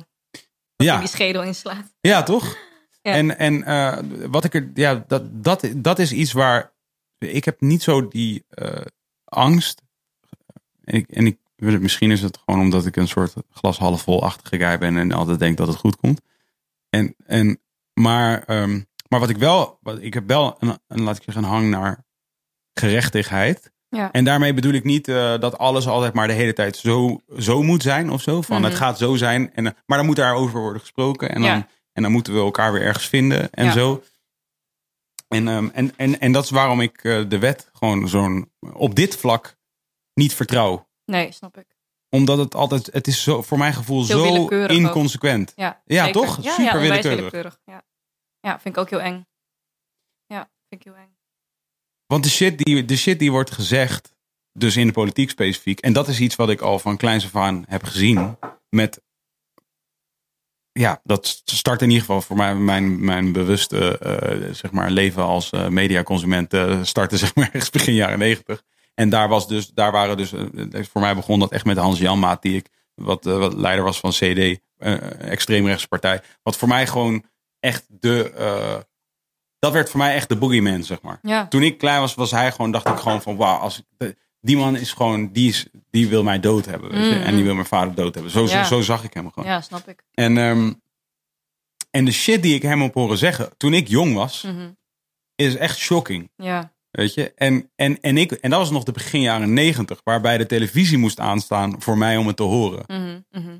Nu, Thierry Baudet of een of andere andere schlemiel die daar rondloopt en te zeggen heeft wat hij te zeggen heeft. Die shit komt terecht bij ik weet niet hoeveel, hoeveel kinderen. mensen. Ja. Weet je? En, en, en En dat is echt een gevaar. ja, sh- Ja. eh, zeg en ik denk dat dat shocking ja, echt wel. shocking, maar ook niet eens alleen van politicussen, maar ik denk dat dat het gevaar is dus van iedereen, zeg maar. Want iedereen heeft invloed op zoveel mensen tegenwoordig. Ja. Dat, dat- en daarom vind ik het gewoon heel kwalijk als muzikanten, weet je wel, die hebben ook een heel groot platform en die hebben ook zo'n groot bereik. En als jij dan iets gebruikt wat, weet je wel, kwetsend is of discriminerend of whatever, dan raakt dat zoveel mensen. Ja. Of het nou eh, positief of negatief is eigenlijk. En ik denk dat dat, het woord influencer bijvoorbeeld, vind ik ook een lastig woord, omdat uiteindelijk zijn we dat allemaal. Ja. Want we hebben allemaal invloed op iets. Ehm, maar ik denk echt als je ervoor kiest om een bepaalde functie uit te voeren in het leven, wat gewoon echt zo'n groot bereik heeft, dan heb je een bepaalde verantwoordelijkheid in handen, wat zo belangrijk is. Ja. En zoveel invloed kan hebben dat je wel echt goed moet nadenken over wat je daarmee doet. Want macht is zo gevaarlijk als het in de verkeerde handen terechtkomt, weet je wel. Dus eh, ja, naast politiekussen denk ik ook dat gewoon iedereen verantwoordelijk is voor dat eigenlijk. ja, het ene wat, wat dus, eh, en daar ben ik het eh, Ja. roerend mee eens. Het enige, laat ik zeggen, het verschil tussen een art, artiest Ja. voor mij wel en een politicus. Ja, dat hij over iedereen. Nou, een politicus vertegenwoordigt het volk. Ja. Eh, toch? Ja, ja. Daar. In, Ja, eh. Omdat we in een democratie leven. In die, en en, en een, eh, een, een, een artiest is autonoom in die zin. Klopt. Van vertegenwoordigt niemand. Heeft Nee. in die zin geen verantwoording af te dragen. Ik vind dus, laat ik zeggen, principieel gezien, of vind ik van wel. Maar je hebt het niet in die functie Nee. letterlijk. Nee, nee. En, en als politicus heb je het letterlijk. En zou ik denken dat je wordt gehouden aan de hoogste van wetten. Ja. Eh, om daarin op een fatsoenlijke eh, en eh, beschaafde naar de norm van deze maatschappij eh, Ja. manier. Ja. En, en met artiesten, en dat is dus wel echt, want daar, ja, ik, dat vind ik echt een interessant gesprek nog altijd, omdat bijvoorbeeld met artiesten van wij hebben ook dus met enige regelmaat dat we bijvoorbeeld hoorden over geweld. Geweld in videoclips, zowel in videoclips als in liedjes. Mhm. Maar daar kan je een liedje hebben bij spreken van een artiest die dus vertelt, die een gewelddadige situatie beschrijft, zoals een film, eh, weet je, een gewelddadige ehm, scène ehm, kan hebben. Ja. Ehm, en een artiest kan vanuit, laat ik zeggen, de ik-persoon vertellen over Ja. een gewelddadige scène. Ja, ja. Dat kan een art- artiest doen. Mhm. Als je niet weet van de intentie van die twee, ja. eh, Kan heel verwarrend zijn, ja. nou ja, dan je weet niet, je weet niet wat, hoe het bedoeld wordt. Nee, absoluut. En dan is het wel heel moeilijk om Ja. daarop een regel los te laten. Ja, het omdat het dan wordt van, oké, maar, maar- maar gaan we dan dus alles wat, wat laat ik zeggen, ehm, ja. ja, agressief en... eh, of bepaalde woorden heeft. ja, ja, Weet je, dus eh, misschien eh, pistool en gun en Ja, ja, ja. die mogen, die gaan we Ja, mijden. ja, ja. Wat, wat wel dus, laat ik zeggen, in Amerika voor een lange tijd zo geweest is en nog Mhm. steeds voor een deel zo is, volgens mij in ieder geval op, laat ik zeggen, radio en dat soort platforms. Mhm. Maar dat als het je helpt, maar... Nou ja, en als je het gaat starten bij de, als je het gaat starten bij bijvoorbeeld dus eh, labels, weet je, ja, dan eh, wat ik wel denk dat het dat, dat vind ik wel een hellend vlak. Laat ik, Ja. als je gaat dan ben je letterlijk aan het censureren van oké, dus bepaalde woorden mag je niet zeggen. Ja. Eh, wat ik tricky vind. zeker. zeker. Dus, dus bijvoorbeeld, dus in deze specifieke kwestie is het volgens mij, ben ik ben benieuwd wat jij daarvan vindt, onze, onze verantwoordelijkheid voor ieder individu binnen ons team die voelt, ik vind dit ook werkelijk niet eh, cool. Mhm, En ik zie hier wat hier mis mee is, mhm. om het te vertellen aan die jongens, Ja. volgens mij. Mhm, Eh, ehm, wat dus ook gebeurd is. Eh, in ieder geval, dat, dat, ja, dat is gebeurd. En, ehm, eh, en vervolgens is het dan aan hen. Om daar wel of niet iets mee te doen. Hm. Nou ja, daar hebben ze dus nog niets mee gedaan, anders had je het geweten. Ja, ja. Eh, maar ehm, eh, Maar ja, weet je wel iets van een reactie dan? Want ik zou dat eigenlijk wel graag willen weten. nee, als ik, nee, ik weet het niet. Dus in de zin van, ik weet niet of zij, eh, zij hebben zich onthouden van een reactie. Dat is de reactie tot nu toe. Dus Hm. zeg maar, de, specifiek de persoon die je gesproken hebt, heeft gevraagd. Ja. langs. Want ook, voor de, ook om dat op te helderen. Het is ook niet zo dat wij zeg maar. eh, ehm, dat is ook om te voorkomen dat dit ja, heel veel gebeurt. Van, wij hebben natuurlijk ook een verantwoordelijkheid ergens naar, die, naar de relatie die je hebt samen. Om, we respecteren ook dat iemand misschien zegt: Ik heb geen zin om erover te praten. Mhm, Dat is wel iets wat we accepteren dan. mhm. Van we dwingen niet iemand van nee, je moet. kan je doen. Want we, zijn- hebben, we staan niet in een. We zitten niet in een. eh, onze rol is niet dat we kunnen zeggen dat iets moet. Nee. We kunnen alleen adviseren dat, het, dat wij het mis- misschien eh, goed vinden. Kunnen vertellen van nou. eh, we zouden het terecht vinden. Maar dat, dan nog is dat een individu dat dat doet. Ja, Zeg maar. zeker. Dus bijvoorbeeld in dit geval niet was dat bijvoorbeeld niet ik. Ook Mhm. omdat ik niet, ik was niet betrokken bij het specifieke proces. En dan is het ook gek als je het, als ik dan ineens kom om te zeggen. En nu moet je, nu moet je er iets van zeggen, want, eh, Ja. want dat vind ik. Ja, ja. Mhm. En ik ben eh, en, en, en naar mij moet je luisteren. Mhm, Als je begrijpt mhm. wat ik bedoel. Mhm. Wat, ja, dat maakt het ingewikkeld. Ja, zeker. Onder andere. Zeker. Maar Wat- is er ook wel over nagedacht om bijvoorbeeld vanuit Topnotch zelf dan te reageren? In de zin van, jullie hebben natuurlijk ook wel eh, die comments op jullie pagina gehad, zeg maar. Dus is dat dan niet een bepaalde verantwoordelijkheid om gewoon een clean slate, zeg maar, om die message naar buiten te brengen van, yo, we hebben dit wel echt gelezen en we hebben er wel, want nu is er eigenlijk helemaal geen communicatie geweest. Ja, En wat ik lastig vind, is dat heel veel communicatie nu via mij gaat. Alsof ik degene ben die iedereen moet gaan vertellen hoe het zit. Nee, weet je wel, die verantwoordelijkheid wil ik ook niet dragen. Want ik ben niet degene die het online heeft gegooid, zeg Ja. maar. Dus ehm, ja, dat vraag ik me dan wel af. Wat we nu eh, aan het doen zijn, om je even volledige inkijk te geven in wat, wat we daar dus mee aan het doen zijn, is dus wat ik zei, we waren eigenlijk al een langere tijd geleden voornemens om eens goed na te denken over van oké, we kunnen, eh, want nogmaals, het start bij, start deze Mhm. hele, alles wat Mhm. wij deden eh, eh, en hebben gedaan, is ook gewoon begonnen uit iets Mhm. heel kleins en groter geworden. Ja, en ja. op een gegeven moment heb je ineens ook, eh, laat ik zeggen, tussen aanhalingstekens controle over Ja. een, een platform waarvan je altijd dacht, dit is volledig vrij. ja, ja, precies. Want daar staan we voor. En dan ineens wordt het zo groot dat je moet gaan naar, oh, maar wacht, oh, maar is het ook vrij als het iets is dat niet strookt met onze principes? Ja, ja. Weet je wel? Mhm, mhm. Want het, natuurlijk vinden we dat het vrij is dat, dat wij hebben altijd zeggen, nee, eh, weet je, hip-hop is rauw en het is straatcultuur en dus mensen mogen praten over waarover zij willen praten. Want dat, Ja. is wat we, dat is wat we vertegenwoordigen, dat is waar het vandaan komt, dat is waar wij fan van waren. Ja. Eh, eh, in in, in alle, alle soorten hip-hop die kwamen uit, eh, weet je, Ja, uit Amerika, zoals Mhm. wij het hebben geluisterd. Mhm. Ehm, dus er wordt niet gecensureerd. En, maar, dan ineens, maar dan verandert, eh, verandert het platform en het verandert, maar verandert ook de maatschappij. En Mhm. veranderen dus ook je eigen principes ten Mhm. aanzien van dat soort eh, eh, thematiek. En veranderen verhoudingen binnen de maatschappij, zoals dus nu evident is geworden in deze discussie. Ehm, eh, maar wij groeien gewoon door, zeg maar. In de zin van, dus ook als bedrijf, dus zeg maar, ja, er zijn in de afgelopen jaar zijn er best wel wat nieuwe mensen bij ons komen werken. Ik weet nog niet precies waar zij staan. Ja, Begrijp ik bedoel? Ja, Van, ja, het is niet dat wij elke, dag, elke week, eh, eh, weet ik Koffie veel, vier, vier uur Ja. per week. Nou ja, koffie drinken wel. Maar Oh, niet ja, vier uur uittrekken om specifiek te bespreken. En waar sta je? Je zei het net zelf. Je dacht dat jij in je 40-jarige collega een Mattie had. En die bleek ja, minder jouw Mattie dan jij dacht dat hij was. Terwijl je misschien al een hele lange tijd met hem werkt. Dat is bij ons precies hetzelfde. En ondanks dat wij, eh, eh, ja, laat ik zeggen, overduidelijk iets van een ideaal vertegenwoordigen. In die zin dat wij eh, obviously multicultureel denken en zijn. mhm. Ehm, ehm, En dus ook ons wel eens openlijk, eh, openlijk geschaard hebben achter bepaalde eh, standpunten van mensen die eh, bijvoorbeeld in media zich uitspraken. Of bijvoorbeeld een boek uitbrachten dat ging over, over, eh, over de relatie of over Nederland als roofstaat, zeg maar, Mhm. specifiek.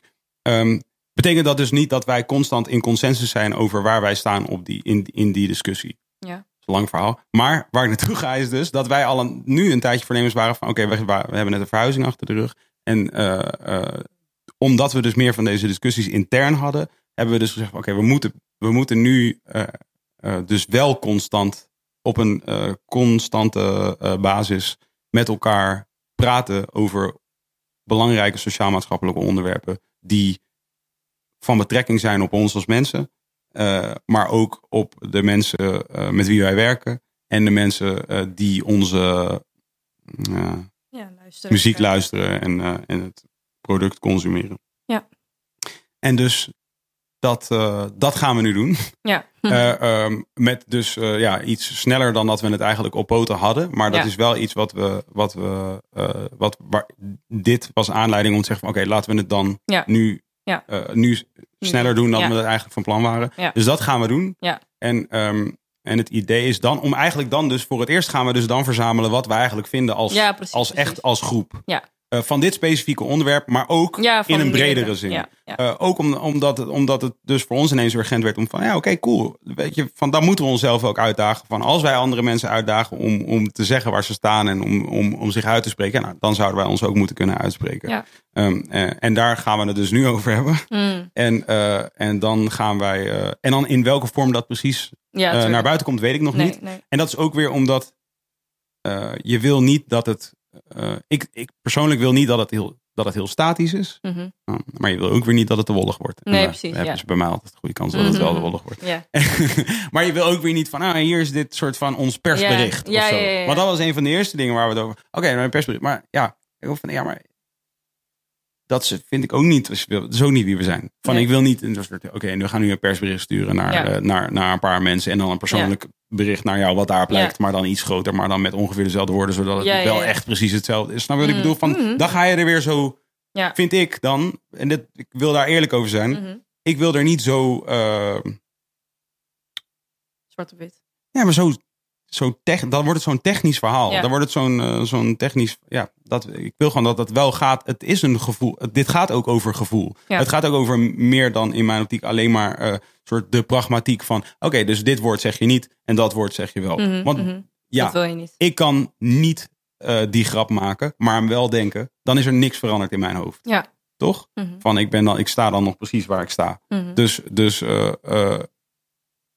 en, de, en dat is een, en dat merkten we, is een bre- bredere eh, ja, wens bij ons allemaal. Om dat eigenlijk eens goed in kaart te krijgen. Omdat we ook natuurlijk het voor onszelf vermoeiend is als we elke week bij spreken die discussie moeten gaan voeren. En dat we niet Ja. weten waar we allemaal staan. Ja. Maar het is best wel eh, een uitdaging eh, om als groep echt te zeggen van dit is wat we, Ja. dit is wat we met z'n allen vinden. En dan bijvoorbeeld als je iemand aanneemt, ga je diegene dan zeggen, Ja. eh, hier, is ons, eh, zijn, ja, hier is ons manifest. Ja. Even ondertekenen alsjeblieft, Ja, want eh, anders kan je hier niet werken. Weet je van, want dat ja, vind ik ook moeilijk. Zeker. Maar ik denk dat dat het hele mooie is eraan, is dat je constant inderdaad nieuwe mensen in je team krijgt en daardoor ook inderdaad weer nieuwe werkethiek en nieuwe meningen, nieuwe gedachten en nieuwe perspectieven. Zeker. En ik denk ook wat jij eerder zei van, kijk, het is natuurlijk heel vervelend dat het is gebeurd, maar tegelijkertijd zitten we hier nu wel aan tafel om over te praten. Ja, En ehm, ja, is er bepaalde bewustzijn gecreëerd die daarvoor niet was. Dus ik denk inderdaad wel dat er gewoon bepaalde dingen moeten gebeuren die soms wat nader, nader zijn, maar wel om te groeien. Want anders kan je gewoon niet groeien als persoon ook niet. ja. Dus dat. ja nee, dat, dat, dat kan ik je nu zo zeggen dat dat, dat een wens is eh, van ons allemaal. Mhm. En voor mij specifiek. En ik hoop dus ook bijvoorbeeld nu, ik ga er even vanuit dat er best wel wat collega's hebben zitten luisteren hiernaar. En ik hoop dus ook bijvoorbeeld dat ik het nu goed verwoord. Omdat het is, het is zo, het is zo'n tricky, het is een tricky onderwerp. Mhm. Waarbij ook niemand wil, laat ik zo zeggen, in ieder geval niemand bij ons, wil, in die, wil aan een kant staan van, eh, van, eh, van dat wat wij zelf Mhm. eh, veroordelen. Ja, ja. Mhm. Ehm, ehm, ja, dat. En het maar het is heel moeilijk, omdat je tegelijkertijd vertegenwoordig je dus wel ook eh, ja, andere mensen met wie je al heel lang werkt, die, Mhm. die je ook niet zomaar kan zeggen, ja jongens, sorry, dit vinden wij, dus, eh, dus jullie kunnen dit gewoon nooit meer doen. Ja. Zeg maar, want dat, in die positie zijn we ook Nee. helemaal niet om dat zo te kunnen zeggen. Ja. Ja, en, en ga je dan bij, dus even zonder naam te noemen, maar ga je dus, bij- ga je dus bij spreken zeggen van, oké, we gaan nooit werken met deze en deze mensen, omdat zij, eh, omdat er een kans bestaat dat zij iets zeggen waar wij het ja, niet. niet achter staan. Ja, Ja, vind ik ook heel moeilijk hoor. Maar vind ik in het algemeen heel moeilijk is dat ik zeg maar zelf een heel idealistisch persoon ben. Dus van mij part eh, mag iedereen alles hebben en eh, doe ik alles gratis. Dat is Ja. eigenlijk mij, hoe ik ben. Dat is niet altijd even goed. Maar ehm, het is heel moeilijk als je dan in een wereld leeft wat zo kapitalistisch is eigenlijk. Waardoor je dus heel vaak ook voor bepaalde job kiest of een bepaalde opdracht kiest. Of weet je wel, wat geld binnenhaalt. Maar tegelijkertijd ook heel erg in strijd gaat met je ja, normen en waarden zeg maar. ja. En ik denk dat dat een soort van gevecht is voor ons allemaal. Dat hoe ouder je wordt, hoe meer je daar ook invalt. Constant zo van, ja, godver, ik wil dit eigenlijk niet doen. Maar betaalt wel mijn huur, weet je wel. Dus dat is gewoon heel eh, lastig om daar... eh, Is de reden dat ik deze brengen. podcast ben gaan doen at Ja, one point. ja. Omdat ik dus op een gegeven moment daar zelf heel erg eh, Ja, ja, vraagtekens over had. En, en in, in conflict lag met mijzelf daarover een periode lang. Dat ik eigenlijk in een periode dat het juist wat slechter ging. Mhm. Eh, en dat ik zeg maar zo... Dan heb je echt een awakening altijd als het niet zo goed gaat. ja. ja. gaat een soort van derde oog gaat open. Ja, toch? En Mhm. dat ik was, was, was zo eh, geconflicteerd over van... Hé, maar wacht even. Van, ja, ik ben muziek gaan maken omdat, omdat het vet was. Of ik ben muziek gaan uitbrengen omdat het vet is. En niet omdat, niet omdat het geld Ja. moest opleveren. Ja, En dat was een soort hele best wel ingewikkelde... Ik kon het moeilijk rijmen. Ja. En, ehm, toen, eh, en toen zag ik dus inderdaad links en rechts ineens allemaal mensen die ik dus ondergewaardeerd vond ja, in hun eh, denken ja. en hun kunnen en, Ja. en, en, Ja. en zo en hun doen. ja, En toen dacht ik van ik moet spreken met alle mensen die, ja. Die dat gevoel misschien. die lauw zijn, maar hun daarvoor niet worden, Ja, die niet worden gezien. ja, eh, dat. ja. Maar op zich, de mensen die je uitnodigt zijn wel mensen die gezien worden, toch? En mensen die echt wel... Dat ligt aan. Wat? Misschien heb jij wel niet Hm. gekeken naar de mensen die normaal gesproken niet gezien worden. Hm. Die zijn er waarschijnlijk, Ja, kan ik Ja. je garanderen. ja, Want dat is dus de uitdaging ook met dit. En dat bedoelde ik dus straks met Sneaken in the Medicine. ja, Is dus dat, voor de duidelijkheid, de mensen die bij ons nu, niet dat jullie, jullie zijn niet, jullie zijn niet het hondenvoer waar ik Nee, de medicine nee. in stop.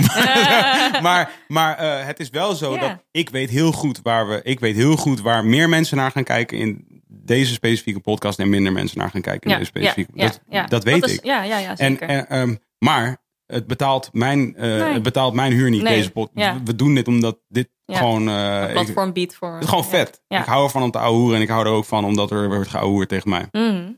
En dus, eh, ehm, dus wij hebben, eh, laat ik zeggen, de aflevering met Naomi Pieters bijvoorbeeld, is niet heel veel bekeken. Nee. Eh, ehm, we hebben meerdere eh, professoren gehad, wetenschappers gehad, eh, Mhm. mensen die, maar ook, laat ik zeggen, een, dus specifiek een vriend van mij, Mhm. die heel veel weet over de moord op John F. Kennedy. Mm. Oh, En, en die heel veel weet van Bruce Lee. Ja. Wat gewoon een, wat een mattie van mij is. Ja, Die op geen enkele manier bekend is, heeft Ja. hier gezeten. ehm, ja, dat is leuk, ja. ja, en dus, dus de, en, en, en wat mij betreft zit ik hier elke week met iemand die, eh, Ja, die tussen aanhalingstekens niet bekend is. Nee, precies. precies. en bijvoorbeeld eh, Marloes Koenen Ja. is, jij kent haar. Ja, precies. Eh, dat en, is wel toeval, en, ja. En zeg maar meer mensen in Japan kennen Ja. haar dan dat mensen in Nederland haar kennen wellicht. Ja, ja, ja. Ehm, maar ja, de aflevering van Met Seven werd, werd, ja, weet ik veel, tien keer zoveel Ja, bekeken ja. als, de, als de aflevering met eh Marloes Koenen. Ja. En ehm, Ja, maar het is voor de hand liggend. Zijn gewoon name droppings natuurlijk. Mensen kijken wat ze ook kennen. Dus er zijn meerdere redenen. Ik heb dus ooit, Joe Rogan is, is dus een podcast waar, laat ik zeggen, ik, op een gegeven moment toen ik zijn podcast aan het luisteren was, dacht ik van, dat is, oh ja, dit is wat ik dus inderdaad wil doen. Want Ja. ik- daarvoor zat ik al heel vaak denken van, ik wil interviews gaan doen met mensen die ik lauw vind. ja, En, ehm, en ehm, die niet misschien altijd gezien worden of gehoord worden. Of wel gehoord worden, maar nooit op een manier dat ik denk dat... dat, het nodig is, zeg maar. Ja, Ja, misschien. Ja. En, ehm, en hij heeft dus bijvoorbeeld letterlijk eh, laatst in een podcast verteld... Dat, hij, dat als hij dus een vrouw uitnodigt... dat hij het zeg maar zo eh, kut vindt hoe daar wordt gereageerd. Hmm. Dus onder andere bij, Ja. bij, op zeg maar de social media van die vrouw Ja. in kwestie... ja, dat hij het moeilijk vindt om een vrouw uit te nodigen... omdat hij weet wat de gevolgen ervan zijn. ja, ja. Dus hij heeft, zeg maar, eh, hij heeft op sommige afleveringen heeft hij 10 miljoen kijkers, slash luisteraars. Mhm. En dus als hij een dame in zijn podcast Mhm. heeft, wordt zij zo erg Neergehaald. gebullied daarna, dat hij dus nu Bang is op voorhand al. Nou ja, bang. ik denk niet dat hij. Ja, weet je, dat is, Ja, gewoon, hij houdt gewoon niet van die narigheid die daarna bij Ja. gewoon komt kijken. Ja, heftig, toch? ja is heel heftig. En ik kan mij, ik kan mij herinneren uit de jaren 90 of jaren 0 dat, dat ooit de, de zeg maar, ehm, hoofdredacteur van, eh, van het eh, muziekmagazine Oor Mhm. gewoon zei van ja, als wij een gekleurde man op de cover zetten, verkopen we gewoon eh, Ja. nog geen eh 10% van wat we verkopen als we een witte man op de Ja, cover hebben heel staan. sick. Ja, Ja, is echt heel sick. Er was ook een heel artikel over hoeveel kleurlingen überhaupt op een cover staan. In vergelijking met dus de witte mensen. Dat is heel grappig. Het zijn echt cijfers dat je denkt, wow. Echt één op de zoveel gewoon. Ja, echt bizar. Het is lijp. Ja, het is echt bizar. En, maar het is ook weer dus tegelijkertijd, het is, ehm, ja, het is, vo- het is gewoon fucking moeilijk. Ja, het is echt zeker. heel moeilijk. Ja. Omdat, of tenminste, het is, oké, het is moeilijk, maar het is ook weer niet moeilijk. Nee. Namelijk, ja, als je, Ja. het, negeert, als je Ja. het gewoon volledig negeert en je Ja. doet gewoon wat je doet, dan kun je het gewoon doen. Alleen je moet dus wel toevallig in de luxe positie zijn om bijvoorbeeld dit wat Twan en ik, Mhm. wat Twan en ik doen en wat wij dus hier kunnen doen, omdat ik dus iets doe waar Wat ik geld mee verdien, geld- ja, ja, ja, exact. kan ik dus dit doen Ja. voor mijn lol. Ja. Dus Ja, zeg maar, ja, ja, dit- zeker. eh, ehm, en dus mensen uitnodigen die dus niet, sterker nog, deze podcast, ik bedoel vergeleken met andere podcasts, Mhm. eh, laat ik zeggen, van, eh, van mensen die, die vooral gewoon zelf ook bekend zijn. Mhm, Ja, doet, doen wij sowieso weinig views mhm. vergeleken met sommige andere podcasts, Ja. zeg maar. Ja. Maar En- daar doe je het uiteindelijk ook niet voor per se, toch? Helemaal niet Nee. zelfs. Nee, ja, ik doe het niet voor, de, voor het aantal views. Nee. Ik doe het voor de, voor, de, voor, voor de views die ertoe doen, zeg maar. Ja, ja, ja precies. dus precies. je hoopt ja. dat voor de, voor de view Ja, rather. ja, zeker. Dat hoop je in Ja. ieder geval. Ja, en, ik zeker. vind, en ik vind het gewoon eh, fijn dat je kunt praten. Dat je gewoon lang kunt praten. Ja, zeker, zeker. Ik zag ook twee uur en zag ik, oh, dat is echt heel lang. Ja, dat vind ik echt heel lang. Ja. Maar ik moet ook wel eerlijk toegeven dat toen zeg maar mijn post online ging, was ik ook wel bang hoor. Ja? Ja, ik dacht ook van, het kan zomaar zijn dat hier echt kutcomments onder staan, weet je wel. Dat kan, toch? Ja. Dus ja, Ja, het valt dus nog wel mee. Maar dat komt dus ook, denk Ja. ik, omdat eh, meerdere redenen. Eén, er, eh, er wordt dus nog, het is gewoon nog niet zo groot. Dus we Mhm. zijn niet een mainstream podcast. ja, Dus, dus, eh, dus denk ik de luisteraars en kijkers van deze podcast weten waar ze aan beginnen. Zoals Ja. jij zeg maar feminist Dutch Ja. activist in je bio hebt staan. Zo is dat denk ik ook duidelijk van wat deze podcast ja, is. ja, exact. Dus wij praten hier soms lang over een onderwerp wat jij misschien al eigenlijk beu bent to Ja. begin with. Ja, ja, ja, ja. en dan gaan wij er nog even drie Over uur over praten. Weet je, dus ik denk dat de mensen die eraan beginnen al heel goed weten waar ze aan beginnen. ja, zeker. En die paar mensen die er elke keer misschien bij komen, en dat is, dat is nu wel iets wat, wat, wat we proberen te doen, is dus gewoon een beetje een soort van: oké, Ja. een, een paar mensen per week komen er misschien bij. En, en, die- en die proberen, en die, weet je, ik hoop dat, ik hoop dat mensen luisteren naar dit gesprek en er van alles van vinden, maar vooral wel eh, misschien denken van: oh, oké, ja, zo had ik er nog niet naar gekeken. En niet alleen naar het onderwerp, Mhm, laat ik zeggen, ehm, mensen van Chinese afkomst in Nederland. mhm. Maar ook bijvoorbeeld het onderwerp, wat, wat doet een, eh, bijvoorbeeld een commercieel platenlabel Mhm, met zo'n Ja, dit voorval? is echt heel interessant om te weten hoor. Ik denk dat, heel Dat veel hoop mensen, ik. Ja, dat denk ik wel. Ja, ik denk wel dat het eh, ja, veel ant- antwoorden geeft eh, voor mensen die zich dat afvragen. Ik bedoel, ja, er zijn gewoon heel veel functies in de wereld waarvan ik überhaupt niet eens wist dat het een functie was, weet je wat ik bedoel? En als je er dan zelf in zit, want ik heb inmiddels wel voor veel bedrijven gewerkt, dan ga je zoveel intern werken en denk van wow, er is overal over nagedacht. ja, ja. Er is niks waar niet over na is gedacht. En dat is soms zo lijp dat je gewoon weet dat je constant wordt gemanipuleerd eigenlijk waar je bij staat. In de zin van als je boodschappen doet of weet je wel, als je een bepaald abonnement afsluit of zo. Mhm. Dat je gewoon wel weet van, oh, ik ben, er, ik ben erin geluisterd, weet je wel. Ja, ja, ja, Iemand heeft nagedacht Ja, over iemand dat, heeft gewoon nagedacht om dat kleine dingetje dat je gewoon echt denkt, oh, ik ga dit toch eh, kopen. Diezelfde, diezelfde vriend van mij, over- waar ik nu een paar keer naar gerefereerd heb, die, die we overigens van laatst ook aan mij, eh, dat Twan ook laatst tegen mij zei, je moet hem ook een keertje uitnodigen. Maar hij is wel wit en 1,75 meter. trouwens. Dat is oké. But he's a toch? special being. Hij is very white trouwens. Dat is oké. Ja. is oké. Is oké. Dus don't worry about it. Maar eh, in ieder geval, hij, eh, hij vertelde dat hij de Matrix had gekeken. En, dat hij, en hij zei van, ja, ik zag nu een scène in Matrix 2 waar ik eerder nog niet eens over na had gedacht. Dat is dat Neo op een gegeven moment bij de eh, architect komt. Die een soort godlike figuur in de Matrix. En Ja. dat die dus he- hem eh, de One noemt. Omdat hij dus soort rebelleert tegen het Mhm. systeem. Maar hij legt hem dan vervolgens uit. Maar jij bent ook gewoon deel... Je bent, jij maakt ook deel uit van deze calculatie die we gemaakt Ja, hebben. ja. Dus binnen het systeem Ja, ben je toch alsnog de uitverkoren omdat je dus hebt gewerkt Joh. volgens dat systeem. Ja, ja, precies, Ja, ja. ja. Ook al, ook al eh, rebelleer je er tegen, dan, dan was, dat is nog steeds deel van het grotere zeker. plan. Exact, exact. Want heb je Westworld gekeken? Nee. Oh, oh, moet je echt kijken. Een hele goede serie op HBO. Ja, gaat eigenlijk over een eh, robotwereld eigenlijk. En dat mensen naar een vakantieoord gaan... waar ze dus eigenlijk als cowboys helemaal los kunnen gaan... en iedereen kunnen vermoorden wie, die ze willen, weet je wel. En ja, dan kom je er gewoon heel langzaam achter... dat het eigenlijk heel erg gaat over de illusie van vrijheid... en over de illusie van eigen keuzes maken. Dus dat je eigenlijk constant ergens in geduwd wordt. Oh, ja, en dat je denkt, dit is een vrije keuze... maar het is geen vrije keuze. Ja, en dat je eigenlijk dus ja, daar constant weer bij terugkomt. Dat is wel heel interessant. Het is echt een hele goede serie. Ik heb dus, ik heb dus een... eh, ik ben dus gewoon een Netflix-only kill. Oh ja, ja, ja. ja. Het Maar is ook dat- geen Game of Thrones dan. Zeg maar... Maar sommige series die, die, die worden, zeg maar, die zijn dan zo pap in...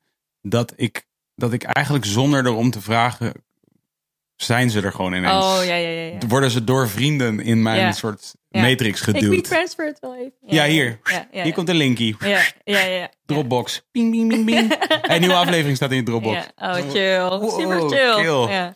Ja. Ja. Maar het is ook wel echt, er zijn echt, dus echt te veel. Er is dit is- heel veel, er is heel veel. Maar dit is wel eentje die je moet kijken hoor. En weet je waar, me- wat, wat, wat ik nog, wat ik nog, nee ja, niet series per se, maar ik bedoel Mm. ook eh, Oh, HBO en nu gaat Disney Ja, ja. er een doen en, eh, Ja, en, dan is het nog allemaal shit. En ik ben er allemaal bij. Alleen, laat iemand alsjeblieft een Google Maps maken voor dit soort shit. Zeker. Snap je? Zo van, ja toch? Ja, filter die dingen voor mij. Yo, algoritme. ja echt. Regel je shit. Vertel mij gewoon welke series ik wil zien. En vertel mij waar mijn geld dan heen moet. Ja, maar echt. Voor mij om de series te zien. Laat mij niet zoe- moeten zoeken naar... Oh ja, ik moet de HBO... Want bijvoorbeeld een poosje geleden had ik een Fox abonnement... omdat Oh ik ja. UFC wil kijken. Mm. Ping! UFC gaat met ESPN werken. Oh. Ik, ik hoef Oh. helemaal geen Fox voor. En nu, Oh. ja, dus toen had ik ineens Oh, een ja. eh, Fox abonnement. Voor Jan Lul. Luxe problemen. Ja, ik weet nee, ik kijk verder dus niks op die shit. Ik denk dat ik voetbal kan kijken, I guess. Mm. Maar I don't want to. Ja, nee, Heb je, heb je ehm at all politieke ambities? Eh, nou, ik heb dus altijd gezegd van niet, want de politiek vond ik helemaal eh, stom. Mhm. Maar tegenwoordig denk ik wel dat ik er eigenlijk soort van bijna organisch inrol. Hm. Dus niet eens, ja, het gaat gewoon vanzelf of zo, denk ik wel. Dus misschien ooit. Eh, ehm, maar eh, organisch inrol als in, heb je, heb je direct contact met een partij bijvoorbeeld waar je Nee, in kunt dat niet, dat niet. Ja, ik, ik stem altijd op GroenLinks, maar dat betekent niet vanzelfsprekend dat ik dan daarbij aan zou sluiten. Ja. Ik vind politiek in het algemeen gewoon heel moeilijk. Ik weet ook niet of het dan altijd gaat stroken met waar ik voor sta, zeg maar, Ja. weet je wel. Omdat het dus onderling nog zoveel moet gebeuren en dat er ook gewoon heel veel partijen zijn die weer met elkaar in overleg moeten. Het is ook net als wat jij zegt over je muziekorganisatie. dat is gewoon heel lastig om daar iets in te betekenen of zo. Maar ik denk wel dat ik als persoon zelf wel heel erg heb voorgenomen om mezelf constant in te zetten voor dingen waar ik voor sta. Om, een, om de wereld wat mooier te maken. Maar dan, Ja. dat ik meer vanuit mezelf werk dan echt vanuit een politieke partij. Omdat ik denk dat in elke partij of waar je ook aansluit, zullen er altijd wel dingen zijn waar je niet mee eens bent, weet je wel? Ja. Dus ja. ik denk dat ik dan meer vanuit mezelf zou werken om een verandering te kunnen maken. Waaronder ook mijn kunst. Dankjewel dat je hier wilde komen. Ja. En ik denk dat we eh, ja, contact houden. Eh, en dus eh, we zullen je denk ik Een laten weten. persbericht sturen. Persbericht. laten weten wat het, eh, wat het plan is in ieder geval. ja, is goed. Cool. Leuk. Twan, dankjewel bro. Ja. Dankjewel. Love.